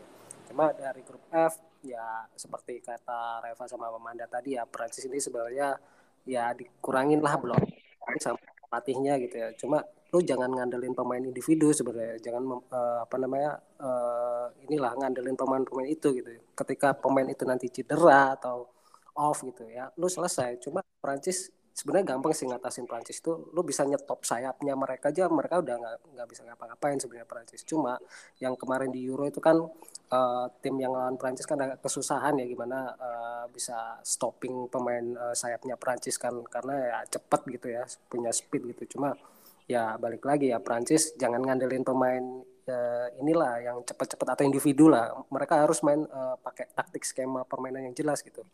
Kalau yang gue lihat sih Prancis terlalu individu banget uh, ininya permainannya uh, gitu. Kemudian Jamaika Jamaika ya ada Buniso ya. Kemudian peringkat tiga di Concacaf kalau nggak salah kemarin.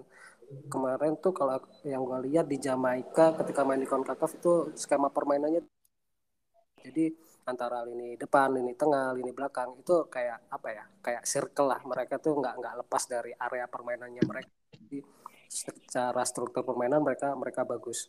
Brazil, Brazil ya ini udah regenerasi ya. Udah saatnya tim ini tuh uh, apa ya?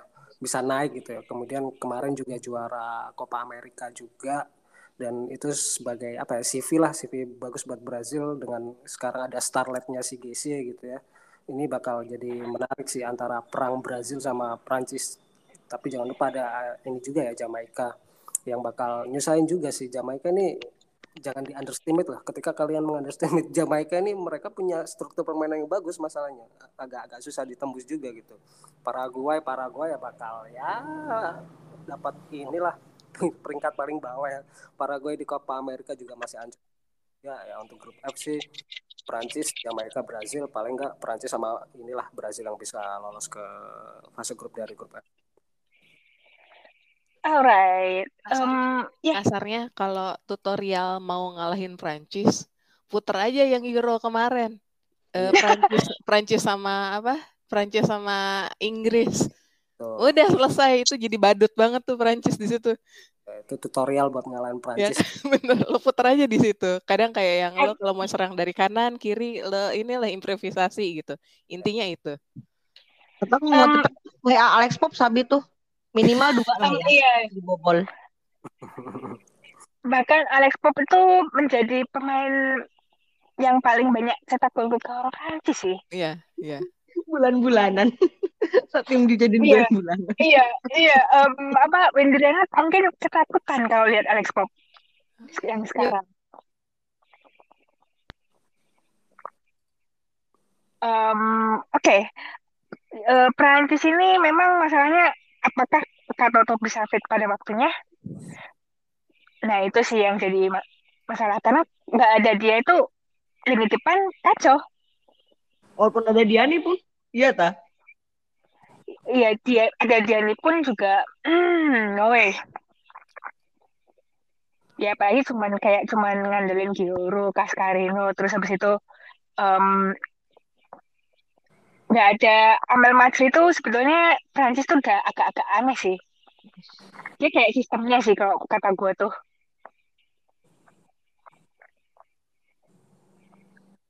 Kalau ngelihat Lyon main kan um, ambil masuk itu kan bener-bener sistem banget kan. Yes. Um, kemudian Brasil um, menarik sih lihat Brasil um, dengan generasi baru mereka terutama ada Geise, Caroline dan yang paling oh. senior gue rasa mungkin nanti Debinya ya. Iya, Debinya paling senior. Debinya. Uh. Ah, Debinya. Uh. Kemudian untuk grup C, playoff winner, I can't say anything yet because, well, okay. um, Chinese Taipei, Paraguay, Papua Nugini, Panama. Mungkin um, dari pool atas ya yang itu ya. Um, gue rasa sulit sih kalau untuk menebak sekarang. Pokoknya yang menang dari pool atas grup C mungkin yang lolos ya. Siapa pun itu. Yes. Tapi jadi sorry kalau sebut mereka tuh kan debutan semua kan kalau misalnya salah satu mereka lolos. Iya. Ya. Benar, debutan semua. Sorry kalau. Uh -uh. Alright, kita ke grup G.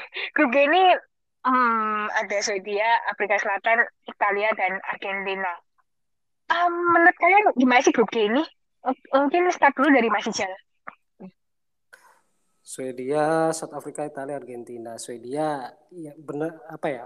Benar maksudnya ini kayak uh, posisinya Kanada ya. Ini generasi emas mereka sampai ini lewat ya. Sorry itu saya next kemudian akan akan bakal susah lagi gitu uh, ngeramu tim ini gitu karena dari belakang, dari tengah, pemain depan ini udah pemain world class semua lah kemudian lo kalau misalnya main pun tanpa pelatih udah autopilot lo tahu mainnya kayak gimana skemanya mainnya tuh kayak gimana itu udah udah tau lah Swedia jadi uh, mau nggak mau ya lo harus paling nggak di sini udah udah uh, ini ya matok jadi kontender juara harusnya ya buat Swedia dengan materi pemain seperti ini gitu ya cuma di sini ada South Africa, Italia dan Argentina gitu. South Africa kemarin juara AFCON ya kan yang ngalahin Maroko. Kita tahu di final lawan Maroko juga South Africa ini nothing tulus gitu loh. Ketika di final lawan uh, sorry uh, Maroko dengan uh, dukungan beberapa ribu penonton mereka tuh kayak cuek aja gitu South Africa karena punya mental yang oke okay juga gitu di di apa namanya di fase-fase yang kritis gitu. Jadi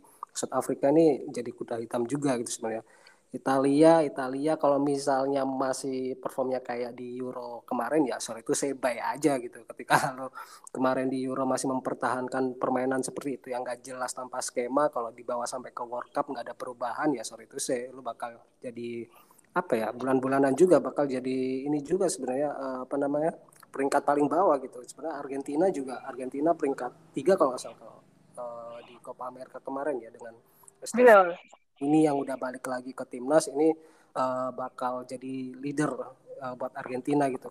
Ketika beberapa pertandingan kemarin kayak nggak ada leader adanya baliknya si Estefania Bani ini ini bakal jadi leader dan uh, kayak pemain Argentina itu kayak ada percaya diri.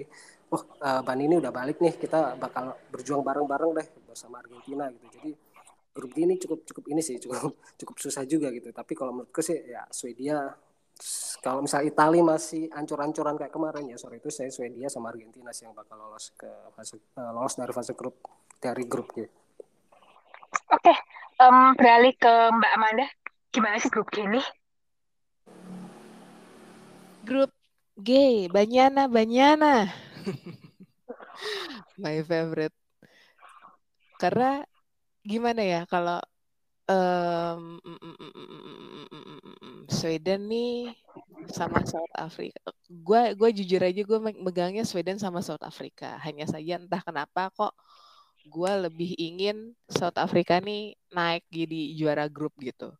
Karena karena kita lihat dari dari skuadnya aja sebenarnya maksudnya kayak um, apa sih South Africa sendiri mumpuni gitu kan Terus udah gitu dan kalau Sweden kayak kemarin gitu kan ya. Jadi kayak yang bisa banget gitu kalau misalkan kayak si akhirnya dipinggirkan sama South Africa bukan bukan bisa banget kayak yang easy lah gitu South Africa karena kan kita tahu sendiri yang namanya South Africa ini kita punya Gatlana kan Tembi terus udah gitu dan maksud gue kayak yang memang apa ya di di Women's World Cup kemarin pun itu um,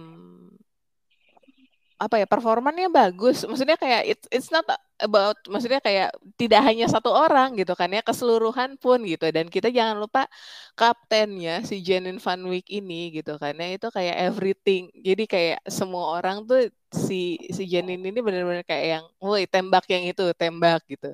Jadi kayak depthnya dapat gitu dia tuh si South Africa gitu. Terus Sweden harusnya kalau nggak mau malu ya, kalau nggak mau pulang dikelecehin orang gitu kan ya, jadilah di nomor dua gitu. Jadi kalau misalkan akhirnya, maksudnya kayak ya katakanlah harus seri sama Argentina tuh ya malu lah gitu, halo gitu kan.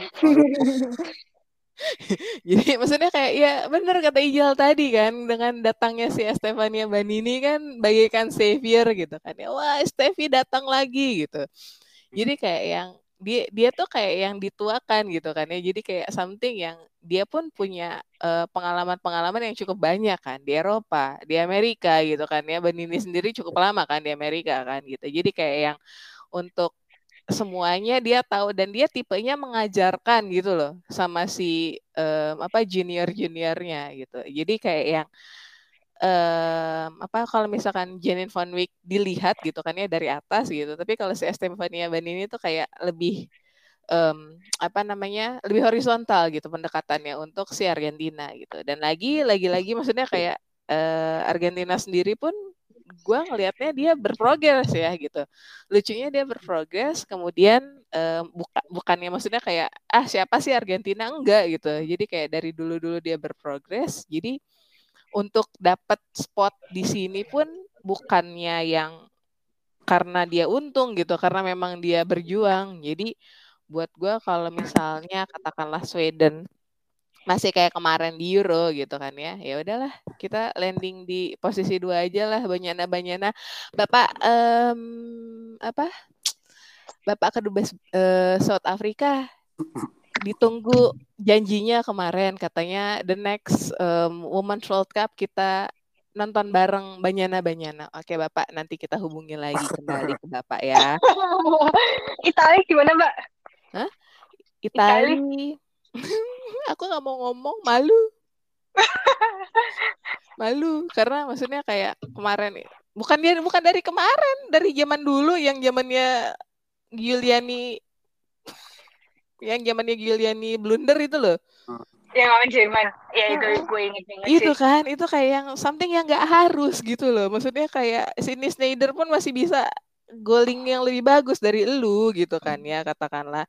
Jadi kayak yang janganlah ngeluarin apa sih namanya janganlah uh, mengulang sesuatu yang sama karena lo bukan keledai gitu kan ya. Tapi kalau misalkan memang memang mengulang sesuatu yang sama kok nggak heran ya itu Itali gitu loh. Jadi kayak segitu aja Italia. Aku tuh mau, mau ngomong pun malu ya gitu. Jadi kayak yang udahlah Italia. Jadi daripada aku marah-marah ya gitu. Segitu aja. Oke, oke. Ya apa-apa kan marah-marah aja tadi kayak grup eh aku memang udah kesel, aku udah kesel, gak apa-apa guys. Um, Oke, okay. um, grup G ini ya Swedia itu um, apa ya? Jadi waktu Manjuro kita tahu uh, tidak sesuai ekspektasi yang ada. Jadi kacaunya minta ampun lagi begitu masuk semifinal ya. Itu benar-benar di babat sana sini sama Inggris ya. Um, jadi gue agak keselnya adalah Swedia ini punya pemain potensial yang bagus-bagus, tapi kenapa banyak pemain-pemain senior yang masih dipertahanin ya lu tanpa gue sebut namanya lu, lu semua udah tahu kan kayak Kevin Seger, Linda Sembran yang untuk untuk ya untuk Evic, Evic Linda sendiri dia udah tahu kan udah bukan waktunya dia lagi um, tapi yang paling parah ini Caroline Seger dan um, Ya Aslani mah. Abding Aslani. Aslani tuh di toel aja jatuh. Iya. Kalau Aslani, gue rasa sebenarnya dia masih layak ya. Cuma untuk being kapten menggantikan seorang Caroline Seger pada saat itu nggak bisa. terlalu cocok sih. Gak bisa. Justru gue prefer ke Mark Erickson all the way sih kalau untuk urusan memimpin Nah, kalau misal Piala Dunia 2023 kaptennya Magda, wah udah deh. Um, harusnya juara grup, kalau nggak juara grup, kebangetan. Iya, nah, itu dia. Tapi okay, kalau gitu. Jadi juara grupnya iya. Sweden. Terus Betul. itunya dua tiga si antara Italia sama Argentina. Iya. Um, kalau gua sekarang beralih ke Afrika Selatan.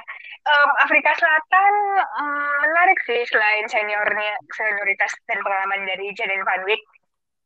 Um, gue bakal nge-highlight um, Jerman Seopon Kusenwe yeah. yang barusan gabung ke Juarez. Begitu gabung ke Juarez itu hal pertama yang dia lakukan adalah upset Chivas. Chivas sebagai top of the league-nya Liga MX Femenil yang Apertura tahun ini. Kemudian dia mencetak gol paling cepat di Liga MX Femenil. Itu cuma dua detik doang lawan eh waktu itu lawan Nek Nekasa kalau nggak salah itu. Wah gila sih, dia sekarang pemegang gol paling cepat di Meksiko. Yes. Ini kan gokil sih. Dan yang paling yang terakhir adalah um, pengalaman dari saya selain tembikat lama kita tahu sih um, mungkin ada juga um, Revilo Chen yang udah makan asam garam di Italia ya. Iya. Yes. Dari AC Milan, terus habis itu sekarang dia di Sassuolo. Ya itu buat um, bisa buat ini sih, bisa buat referensi gitu. Maksudnya kayak yang pengalaman dia, terus sedikit gitu kayak how Italia main itu kayaknya bisa bisa buat referensi dan perbandingan. Kira-kira gue the next main sama Italia gimana gitu. Betul. Oke, okay. um, Italia ya. Italia ini um, setelah Euro sama aja sih gue lihat. Kacau ya, kacau banget. Um, paling cuman kayaknya adalah waktu hari terakhir kualifikasi Piala Dunia kemarin, gimana gitu untuk untuk perform all out gitu kan. Hmm, selebihnya abis itu biasa aja nggak ada yang istimewa dari Itali itu. Lagi um, setelah nggak ada right back yang proper, jadinya sulit sih bagi Itali. Um, ya gue nggak ada terlalu ngarep banyak ke Italia sih jujur aja. Italia ini lama-lama Italia ini lama-lama hmm. kayak Irlandia gitu. Maksudnya kayak yang um, apa individu-individunya bagus di klub gitu kan ya. Tapi begitu masuk ke women's national team selesai gitu. Hmm, hmm, hmm. kayak gitu sih. Sama kayak Australia sekarang juga mirip kan? Iya. Yeah. Um, kemudian terakhir Argentina Argentina jauh lebih menarik sih untuk sekarang lagi dengan kembalinya Stefania Banini kan um, ini membuat kepercayaan di Argentina jadi makin naik sih Yo. Gimana? Yang mantan anak Liong itu? Um, udah nggak di situ lagi sih. Dia iya. balik ke Argentina sih kalau nggak salah. Tapi di NT dia gimana?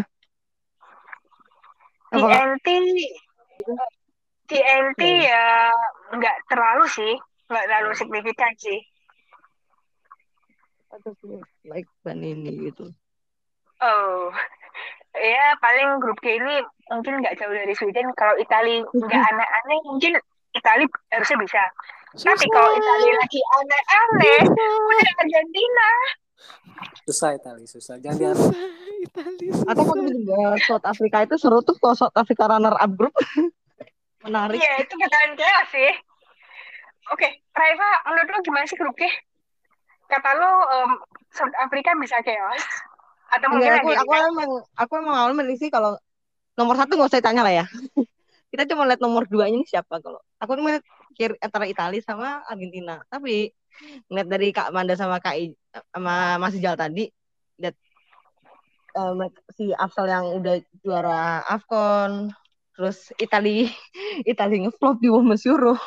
Jadi ya bisa aja tiba-tiba runner luar South Africa. Kalau misalnya Italia masih kayak pas Women's Euro. Um, well well well well. Ah lupakan saja itu mah kali. Oke. Okay. oke okay, um, terakhir adalah ada grup H ya. Jadi grup H ini ada Jerman Maroko Kolombia dan Korea. Um, oke okay, um, starting dulu. Um, Jerman mungkin ya kita tahu Jerman ini lagi susah juga ya. Um, karena terutama untuk cedera panjang itu ada di Jun lagi kan. Karena yeah. dia um, Oktober ini bulan ini dia mengalami cedera ACL untuk kedua kalinya ya setelah habis hmm. recover dua tahun kemudian tuh. Hmm, ya yeah, really tough, tough sih. Um, yang menjadi PR dari Jerman nanti adalah um, urusan wingback sih. Ya Umardina please buka mata gitu Bu. Um, apa ya? Bisa lah panggil Jana Feldkamp dan Maxiral kalau nggak mau manggil Caroline Simon ya kalau dia nggak masih nggak pengen manggil Caroline Simon bisa lah uh, Jana Feldkamp diambil dan Maxiral itu. Udah sih urusan perpekan ada selesai sih. Kalau untuk urusan midfielder nggak usah ditanya. Urusan pemain depan udah nggak usah ditanya. Um, masih segitu kok. Dan mungkin um, Jerman bisa aja diisi sama Paulina Grumbigel ya kalau misalnya dia fit lagi. Benar-benar udah benar-benar fit dari cedera ACL ya. Yes. karena dia juga salah satu aset masa depan back tengahnya Jerman untuk saat ini. Kemudian Maroko ya Maroko ini debutan banget sih um, agak suka sih um, menebak soal lawan Jerman ini karena baru semua ya untuk terutama untuk Jerman sendiri. Um, Maroko mungkin gue excited lihat Rosella Ayane sih. Dia kan main di Spurs tuh. Yes um, gue ngeliat excited aja sih lihat dia. Kemudian untuk Kolombia well mereka balik ke Piala Dunia setelah terakhir tuh tahun 2015 um, di sini kita paling berharap mungkin Linda Kaisedo ke Piala Dunia ya. Iya, semoga ya. Um, karena dia bakalan head to head, misalnya kalau ada Linda Kaisa itu jadi ke Piala Dunia, head to headnya ya kayak sekelas Juli Brand. Yes. Um, kemudian gue berharap um, Federasi Kolombia tuh please lah baikan sama Natalia Gaitan sama Isabella Echeverry gitu loh. Echeverry itu lagi bagus-bagusnya sebenarnya di Raya situ. Masa gak kepanggil sih gitu. Kalau ini benar, ya itu aneh. Udahan kok sampai mereka nggak kepanggil buat Piala Dunia.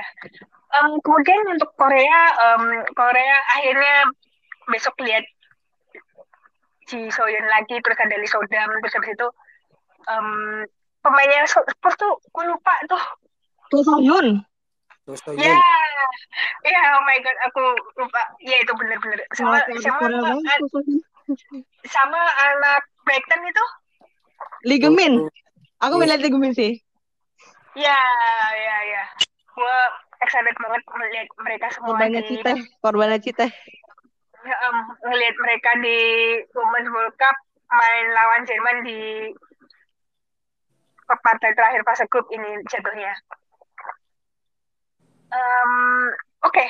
speaking soal pelatih Korea ini, um, Colin Bell ini sebetulnya tidak asing dengan sepak bola Jerman sama kayak bermain Jerman seperti apa. Karena dia pernah melatih tim Frauen Bundesliga itu dari 2011 lalu sampai 2017 di mana CV-nya dia yang paling besar adalah waktu melatih FFC Frankfurt dan sekarang um, Eintracht Frankfurt. Ya, Jadi bilang banget tadi pas diumumin mukanya kayak oke okay lah gitu. Maksudnya kayak it's it's not really bad gue ditempatin di terakhir gitu, tapi at least kayak gue tahu gue tahu ada apa namanya gue punya ilmu gitu untuk mainin si Korea ini gitu kayak yang maksudnya kayak kalau misalkan dilihat lagi ya si drawing yang tadi gitu kan ya lihat muka-mukanya deh seru Iya, um, Colin Bell, ya um, dia sudah tidak asing lagi dengan Bundesliga terutama ya. Um, dia bakal reuni sama Martina ketemu, ketemu lagi. Ini kayak kan uh, Marina Vos ngelatih tim Bundesliga itu kan di Jena kan? Mm-hmm. wah ini kayak nostalgia banget sih. Itu ibaratnya tahun terakhir Martina ngelatih klub terus habis itu Colin Bell malah masuk pelatih tim Frauen Bundesliga. Jadi ceweknya um, Colin Bell ini Devi Pokal tahun 2014 bersama FC Frankfurt dan kedua yang paling gede adalah Champions League 2015 kayak connect banget sih kalau nggak salah itu asisten sukanya aku eh kok sukanya aku sih Islater kalau nggak salah ke Peggy Kusnik oh iya ya masih Islaker ya Iya dulu Islater sih ya pemain kunciannya Frankfurt under Colin Bell itu. Oh iya benar benar benar benar benar. Pas dia di Frankfurt mm, benar benar. Sekarang uh, Islaker main di Köln. Iya, Kol. Masih belum pensiun sih. Belum, belum. Oke, okay. um, gue mau dengar pendapat dulu uh, start dari Mbak Amanda deh. Grup H ini kayak apa sih? Um, sejujurnya gue nggak nggak gitu ngikutin Kolombia karena kan maksudnya kayak yang um, ya maksudnya kayak untuk untuk si sepak bola Amerika Selatan sendiri gue agak miss ya gitu.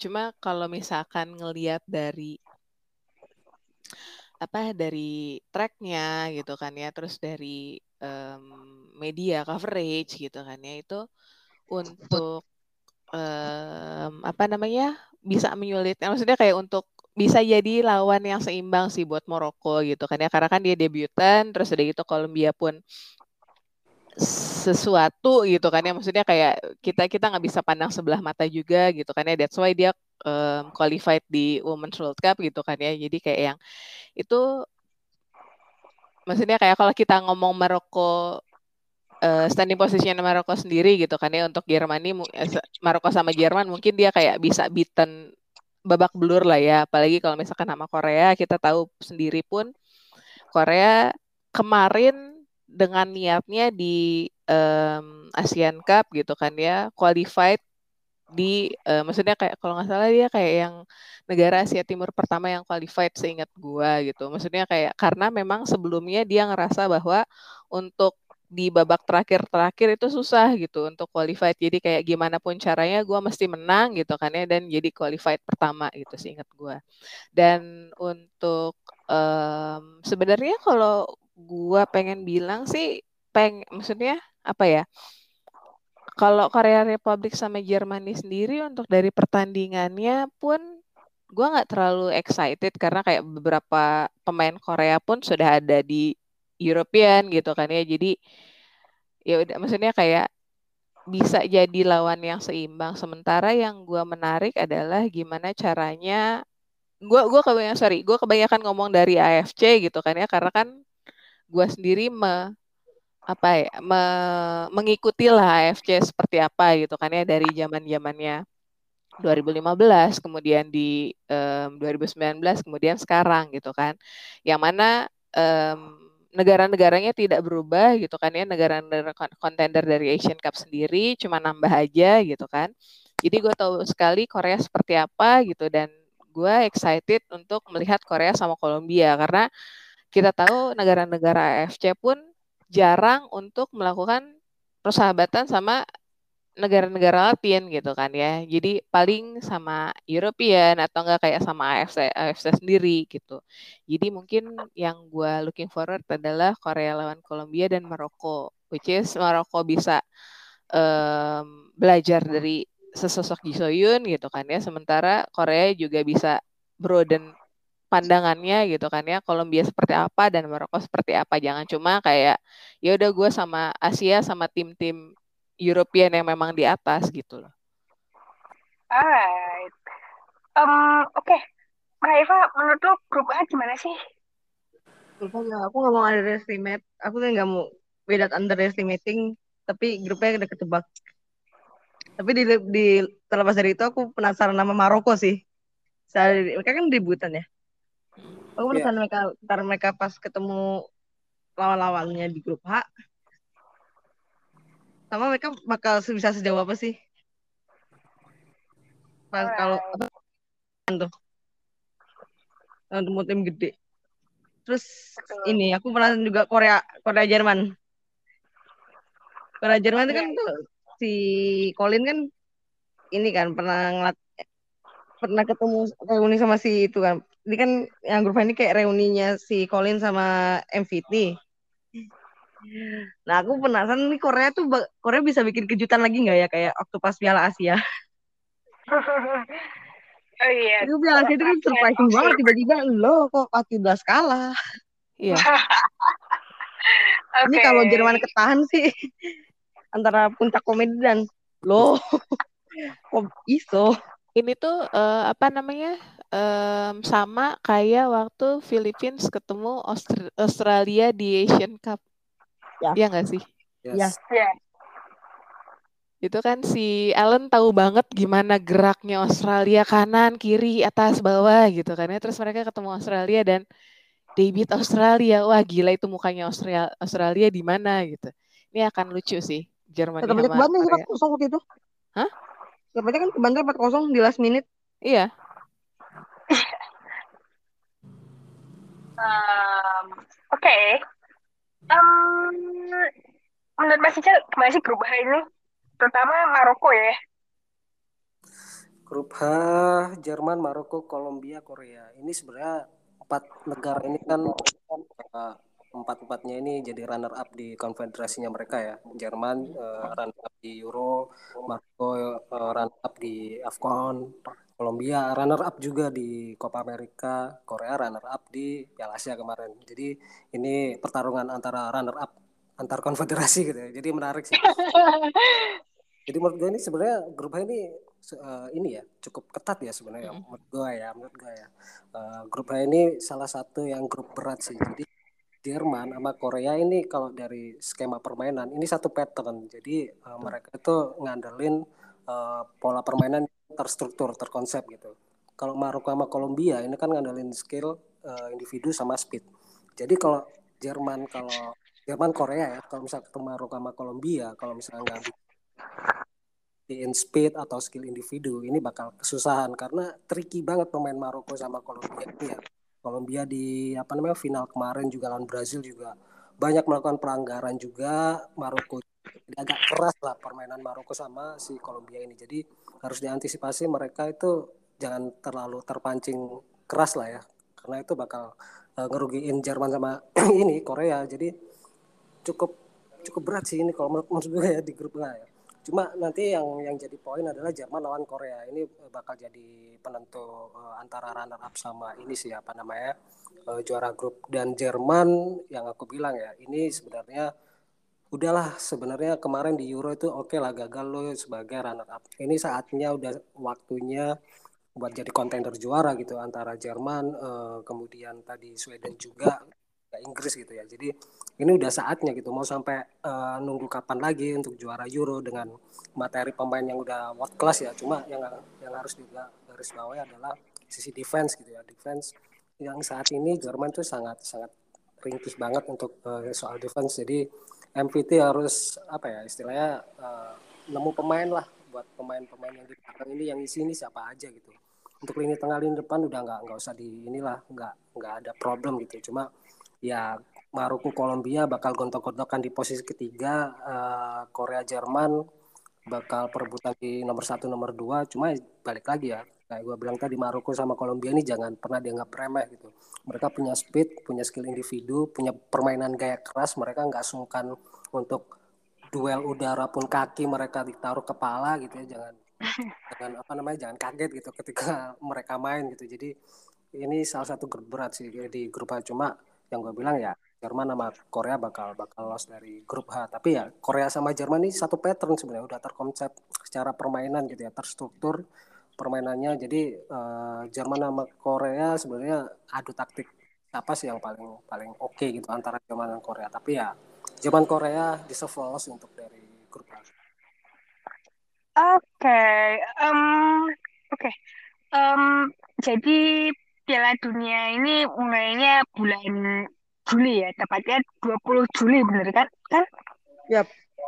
Uh, 20 Juli sampai 20 Agustus. Um, gue nggak ngerti seberapa dingin ntar uh, Australia sama New Zealand pada bulan New itu. lebih dingin sih. Apalagi ada Dunedin. Dunedin hmm. Christmas kan daerah selatan. Oh, tuh dingin banget. Summernya aja udah kayak AC. Oke, okay. um, menurut Mbak Manda seberapa dingin sih nih Australia sama Selandia Baru pada bulan itu? Australia di ini sih ya, bukan bukan yang Australia atas-atas ya. Australia itu kayak Perth, Sydney, Melbourne yang gitu-gitu ya. Sama Perth. Jadi maksudnya kayak Adelaide. yang paling yang paling dekat seingat gue sih kalau kata bokap gue seingat gue yang paling dekat cuacanya sama kita tuh Perth sama Adelaide seingat gue. Terus di gitu yang bawah-bawah maksudnya kayak yang dia ada empat musim tapi maksudnya kayak cuma ya, yang nggak ada ya cuma snownya aja. Cuma yang gue lihat temen gue kan resides-nya di New Zealand. Dia di Oktober. Di Oktober aja udah dingin. Dia udah pakai ala-ala winter gitu kan. Jadi kayaknya ya memang dari New Zealand maksudnya kayak kalau misalkan memang kita mah that's why um, apa gamesnya kan lebih banyak dimainkan di Australia ya gitu. Jadi kayaknya mungkin itu juga meng apa ya meminimalisir uh, cuaca-cuaca seperti itu juga gitu kan ya. Jadi um, kalau misalkan kalian mau nonton gue sih lebih rekomend di Australia gitu. Um, apakah perlu jaket tambahan gitu selain jaket yang biasa kita pakai gitu kalau di Indonesia? That's why maksudnya kayak kalau misalkan mungkin kalau gua ngelihat dari temen gua itu gitu kan ya dia udah udah apa namanya udah udah make-make mantel gitu kan ya. Cuma hmm. maksudnya untuk paling paling aman itu si jaket um, angin si windbreaker gitu kan. Cuma kalau misalkan yang mungkin itu ya. Uh, cuma kalau misalkan mungkin kalau nonton di Australia masih kayak yang ya masih kardigan-kardigan aja masih aman lah gitu. Atau kayak jaket bomber ala MVT tadi tuh aman ya berarti ya? Iya, iya, iya bisa bisa. Jaket bomber yang kayak um, MVT kemarin atau enggak kayak apa ya? Enggak maksudnya kayak kalau misalkan gini, kemarin aja gua November di Qatar itu sedingin dinginnya pun itu um, gue cuma pakai kardigan gitu. Jadi kalau misalkan mungkin kalau misalkan di Australia kardigan pun oke okay lah gitu. Jadi nggak usah um, apa nggak usah bawa-bawa yang tebel-tebel. Kalaupun mau bawa paling satu dua aja gitu. Dalamnya yang macem-macem. Jadi orang ng ngelihat bahwa oh lo ganti bajunya gitu. Jangan dia dia lagi ya jangan itu itu lagi gitu. Berarti minimal bawa windbreaker udah cukup ya? Mm -mm. oke. Okay. um, kita nggak bakal ngomong soal bracket dulu karena ini terlalu kompleks ya. Betul. Sulit sulit sulit sulit itu nanti aja deh kalau pas Piala Dunia berlangsung baru kita ngomongin ini ya Nunggu playoff itu lah nih kelar. Iya. Yang, yang mau nonton coba nabung dari sekarang. Terus jangan lupa hmm. visanya, visa Australia, visa New Zealand, kayak gitu-gitu. Perintil-perintilnya aja. Mungkin kita ngelihatnya yang murah tiketnya kan tiketnya udah mulai dijual kan tuh ya. Gitu. Yeah. Tiketnya udah mulai dijual, eh kok murah gitu kan? Jangan lupa kita masih punya visa, kita masih punya um, apa namanya?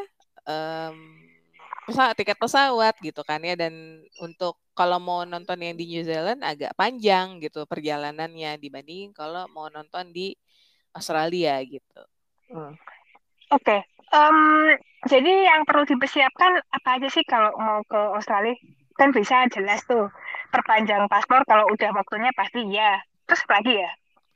Paspor itu um, paling aman adalah 15 sampai 24 month bulan ya. Hitungan hmm, bulan 15 gitu. sampai 24 bulan. Karena kan kalau domestik sendiri aman tuh pergian 6 bulan. Cuma karena kita butuh visa segala macam paling aman 15 sampai 24 bulan. Kemudian paspor dicek-cek terus sekarang cek check-in um, apa tiket pesawat.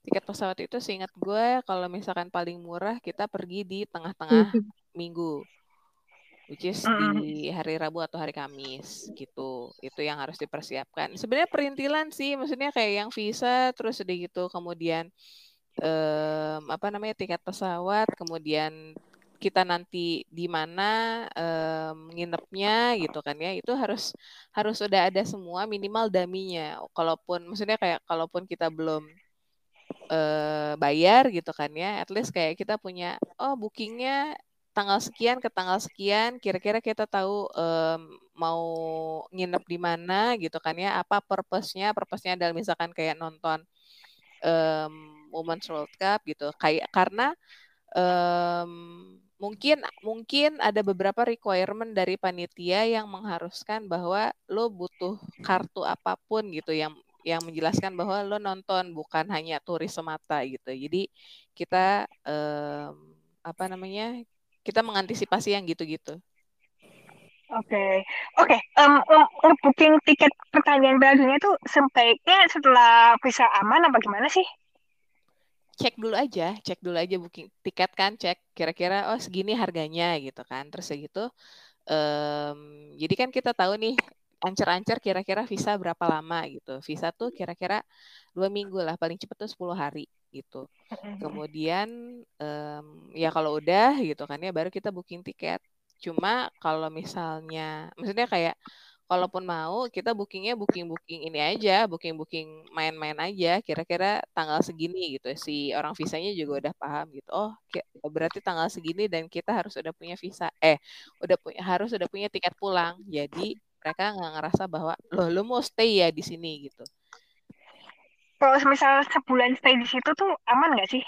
Kalau begitu lalu visa itu ya kalau punya tempat tinggal yang aman kemudian kalau punya duit maksudnya kayak katakanlah lo yakin lo nggak akan terkatung-katung di Australia gitu kan ya, ya itu aman-aman aja jadi sebenarnya gimana kita meyakinkan petugas visanya bahwa oke okay, gue cuma mau nonton ini gitu kan ya habis itu gue pulang ke rumah dan gue punya kerjaan hmm. gitu oke okay, oke okay. Um, Oke, okay, um, kita sekian dulu untuk urusan perpiala duniaan. Sekarang Champions League match day pertama ini chaos banget ya. Tapi yang paling mm. mau gue highlight adalah Lyon kalah 1-5 dari Arsenal di rumah sendiri. Ini like, oh my god. Itu setelah 10 Bisa. tahun lebih gak sih? Setelah 10 tahun lebih loh. 10 tahun lebih itu. Ya. Terakhir selisih 4 gol dan selisih ke, dan kebobolan 5. Nah itu. Um, menurut Mas Ical, apa sih yang membuat Lyon bener-bener turun banget pada hari itu? Apa ya? Yang udah kita tahu lah, Lyon nggak full tim ya. Jadi sebenarnya siapa pun lawan Lyon dengan kondisi seperti itu, even lawan BK Hagen pun BK Hagen bakal bisa menang kali ya kalau misalnya nggak ada pemain-pemain itu gitu. Jadi kemarin juga uh, apa ya? Lyon banyak pemain cedera gitu ya ngaruh ke performa juga. Terus juga di babak pertama itu ancur-ancuran banget gitu ya ngelawan Arsenal dengan yang udah uh, super power gitu ya. Terus kemudian di babak kedua tuh udah mulai bangkit nih gitu udah mulai bangkit uh, kayak nyerang Arsenal gitu ya. Cuma finishing, finishing lagi-lagi ya finishing jadi problem karena ya balik lagi ada Hegerberg juga absen gitu ya. Cuma di sini uh, Arsenal compact banget ya uh, permainannya gitu.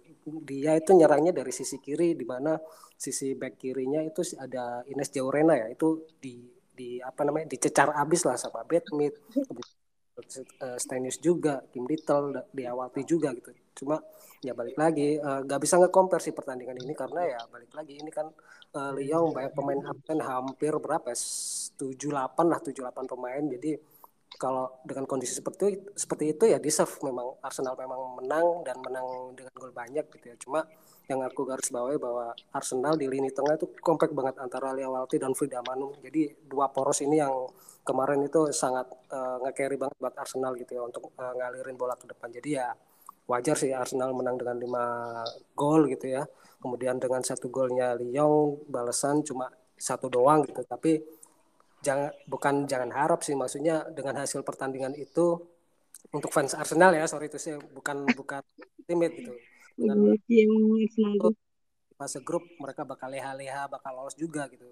Jadi Lyon juga bakal uh, bounce back lagi kok dengan uh, pemain-pemain ininya pemain-pemain intinya gitu. Jadi ya kemarin deserve lah deserve lah uh, Arsenal menang karena beberapa pemain Lyon banyak yang cedera. Dan Arsenal memanfaatkan itu dengan sempurna ya iya um, kemudian situasi PSG sama Chelsea juga mirip ya enggak sih PSG Chelsea tuh gimana ya? Mainnya nggak niat. PSG itu nggak nggak kayak PSG yang wah banget gitu. Ini kayak nggak niat. Terus ya kalau Chelsea tuh aku ngerasa kayak ada yang kurang, tapi aku nggak tahu gimana. Um, finishingnya Sam Kerr sih yang bermasalah. Ah, itu Sam Kerr dari awal musim ini emang aku aku kaget loh sumpah. Kaget banget. Yang biasa dia kayak jadi gol Messi sekarang kayak seret banget. Apa karena ini ya? Ngaruh nggak sih kalau menurut kakak?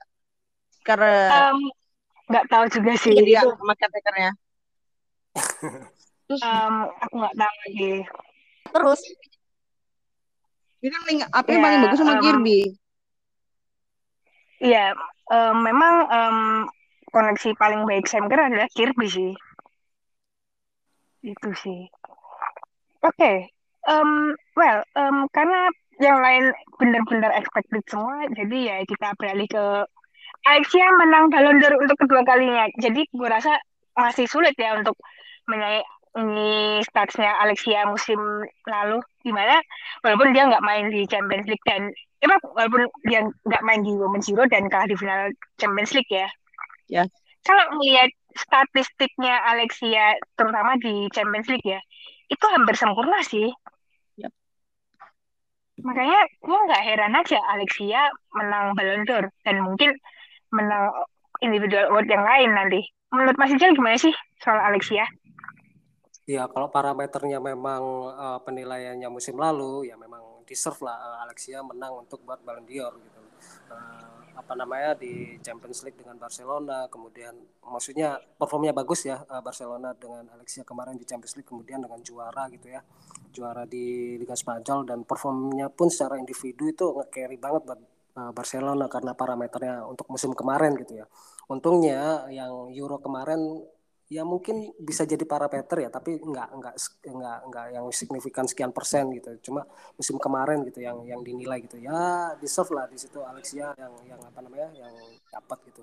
Tapi untuk menurut gue sendiri gitu ya lagi-lagi nggak tahu udah beberapa kali yang gue bilang ya ketika ada pemilihan pemain-pemain kayak gini tuh sebenarnya kayak gue sendiri tuh nggak nggak terlalu memusingkan ya siapa yang menang siapa yang kalah siapa yang dapat gitu. Cuma di sini tuh penilaiannya tuh kalau aku ya menurutku dari 2009 kalau nggak salah 2009 tuh sampai ke sekarang itu penilaiannya tuh udah nggak objektif nggak objektif lagi gitu kayak kepentingan kepentingan uh, something klub atau pemilik klub atau dari federasi sendiri itu memenangkan beberapa calon gitu dengan mengirim beberapa jurnalis yang mungkin pro sama si A, pro dengan si B gitu. Kemudian kaptennya, kapten tim yang bisa pro sama tim A atau pemain A atau pemain B, C dan sebagainya. Jadi menurut gue sendiri untuk pemilihan kayak gini tuh ya ya, ya udahlah gitu. Siapa pun yang menang nggak nggak terlalu yang gimana gimana kayak yang orang lain bilang bahwa oh yang menang harusnya ini oh yang menang tuh harusnya ini gitu ya. Tapi menurut gue sendiri nggak terlalu musingin kayak gitu ya karena ya balik lagi ya dari 2009 gue ngelihat kayak pemilihan-pemilihan kayak gini tuh udah nggak objektif lagi gitu. Baik kepentingan-kepentingan yang yang dibawa ke situ gitu jadi ya siapa pun yang menang ya ya terserah gitu tapi untuk kemarin Alexia sih ya ya deserve dengan uh, apa penampilan musim lalu dengan parameternya mungkin Ballon d'Or uh, parameternya untuk musim lalu ya untuk women's football ya Alexia Putellas deserve untuk Ballon d'Or. Alright, um, oke. Okay. Um, ya, yeah. Um, under 17 Women's World Cup ini udah nyampe semifinal ya.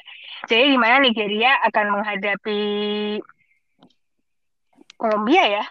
Kemudian untuk Jerman adalah menghadapi Spanyol yang di mana ini adalah ulangan dari final Women's Euro Under 17 sih. Semuanya menarik sih. Menarik, menarik. Sebenarnya kalau misalnya kalian gitu ya nonton uh, dari match ini gitu, sebenarnya kita bisa jadi tolak ukur gitu loh. Ya, ini pemain ini lima tahun ke depan atau 10 tahun ke depan bakal jadi nggak sih, bakal kepake nggak sih di timnas, bakal jadi pemain hebat nggak sih sebenarnya.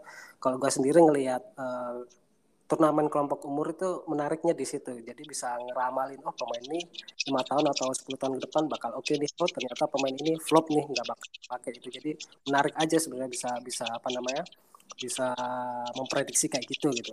Cuma kalau yang di Women's World Cup 17 ini menurutku ya uh, untuk tim yang bakal juara sebenarnya udah kelihatan sih Jerman lebih kompak daripada tim-tim yang lain gitu karena di Jerman itu nggak tahu kenapa ya. Ini tuh seperti kayak tim seniornya gitu. Jadi udah kompak tersusun rapi terkonsep gitu ya. Textbook banget gitu ya mainnya. Jadi nggak asal-asalan main bola gitu ya. Meskipun dalam kelompok umur U17 ya kita kalau misalnya senior salah-salah passing aja kayak ini kenapa sih salah passing pemain senior loh? Tapi untuk U17 ini Jerman tuh mainnya rapi banget gimana caranya.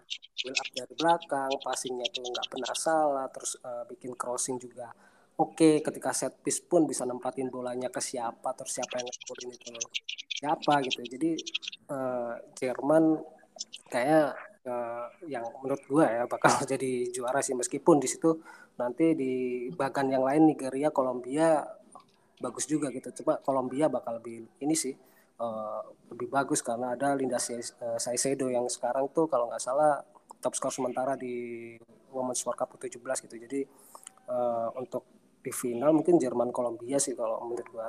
Cuma yang di semifinal lawan Spain gitu ya.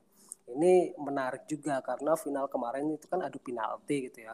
Final kemarin itu sebenarnya Spain itu dominasi banget lawan Jerman di final Euro U17. Cuma untuk di Women's World Cup 17 ini. Spain tuh beda banget mainnya.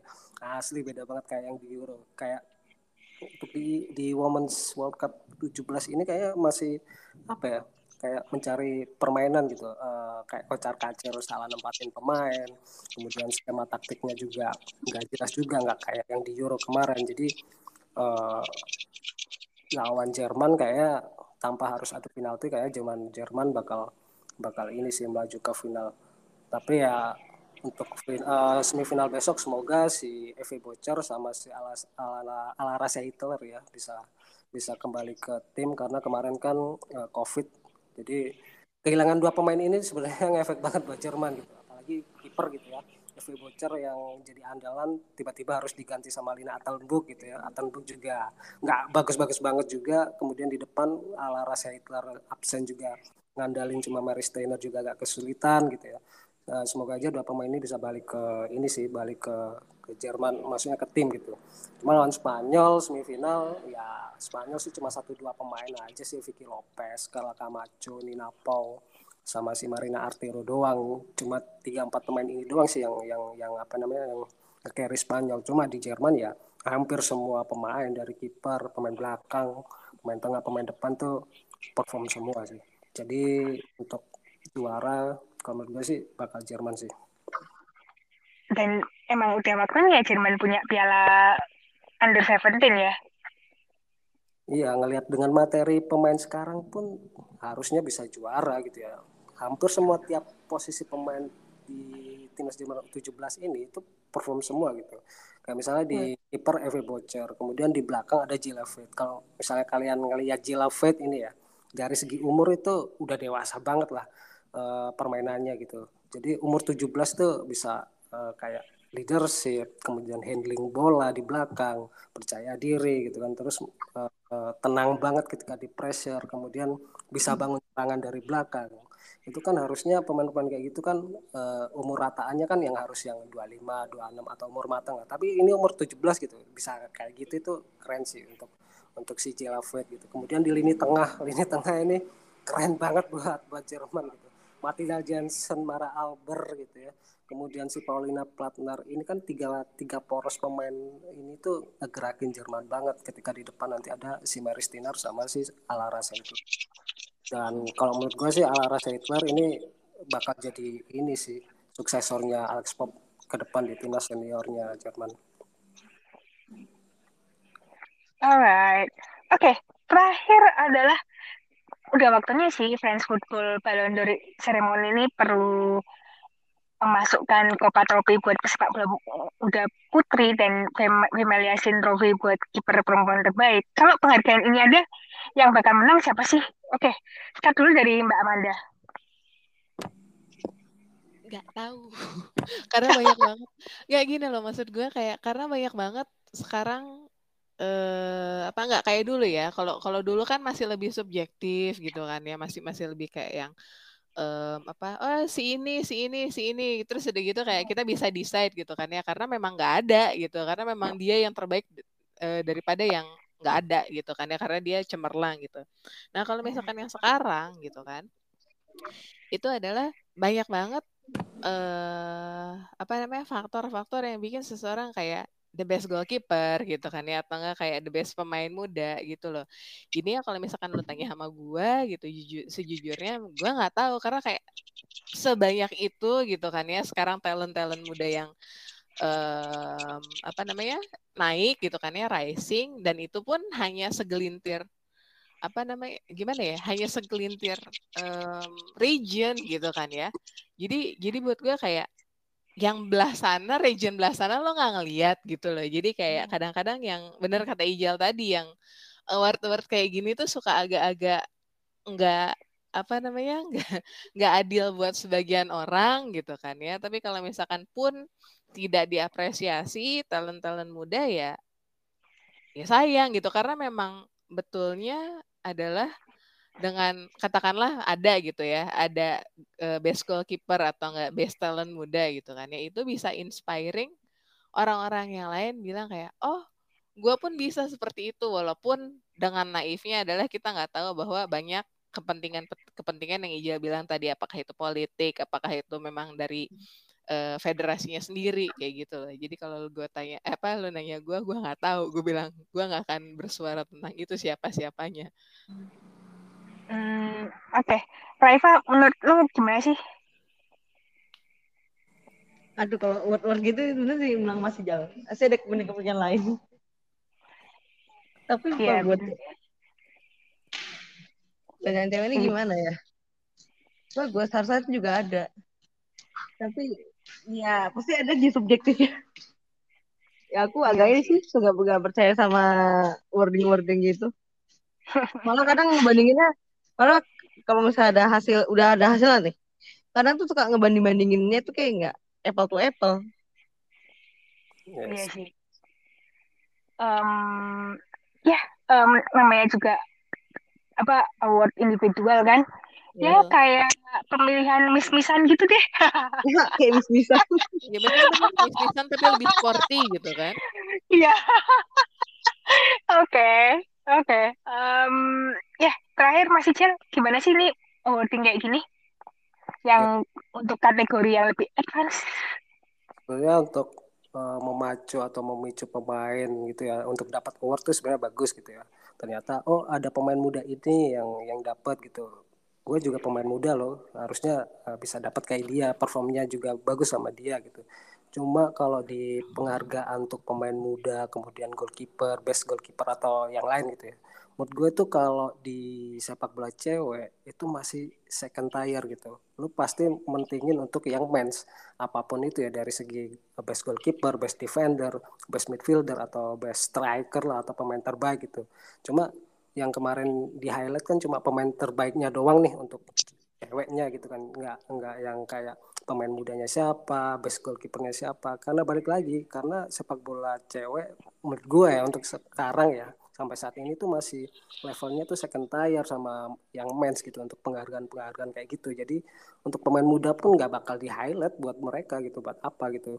Untuk uh, apa namanya naikin uh, apa namanya pemain-pemain muda ini untuk dapat award pun kayaknya nggak kepikiran juga buat mereka karena mereka ngambilnya kita butuh sosok cewek pemain terbaik udah itu doang udah itu doang yang yang di highlight gitu toh mungkin kalau ke depannya bakal dibikin kayak gitu iya oke okay, uh, eh, bagus gitu untuk memicu pemain-pemain muda yang lain atau pemain dengan posisi-posisi yang lain yang terbaik di musim itu gitu ya. Tapi menurut gue sendiri kayaknya bakal susah deh untuk untuk diwujudin gitu ya. Ada best goalkeeper pemain terbaik. Karena baik lagi sepak bola wanita menurut mereka bahkan dari FIFA atau UEFA sendiri ya itu mereka nilainya masih second class lah second tier. Karena ya sepak bola cewek ngangkatnya kayak gimana sih lu bakal pasti kalah nama kayak Cristiano Ronaldo, eh, Mbappe, Messi, Lewandowski dan sebagainya. Mereka bakal lebih milih untuk pemain itu karena untuk cari berita dari Lewandowski, Messi, Mbappe pun bakal lebih exposure-nya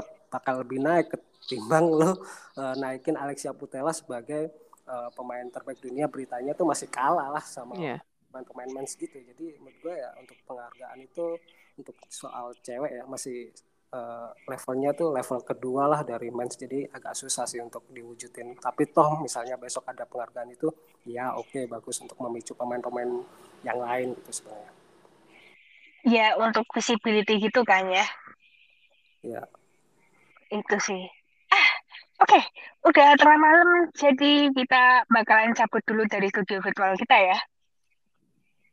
Yuk Ah, oke. Okay. Gue Nino mewakilin Mbak Amanda, Raifa, dan Mas Ijal cabut dulu dari studio virtual kita. Sampai jumpa semuanya. Bye-bye. Bye. Bye.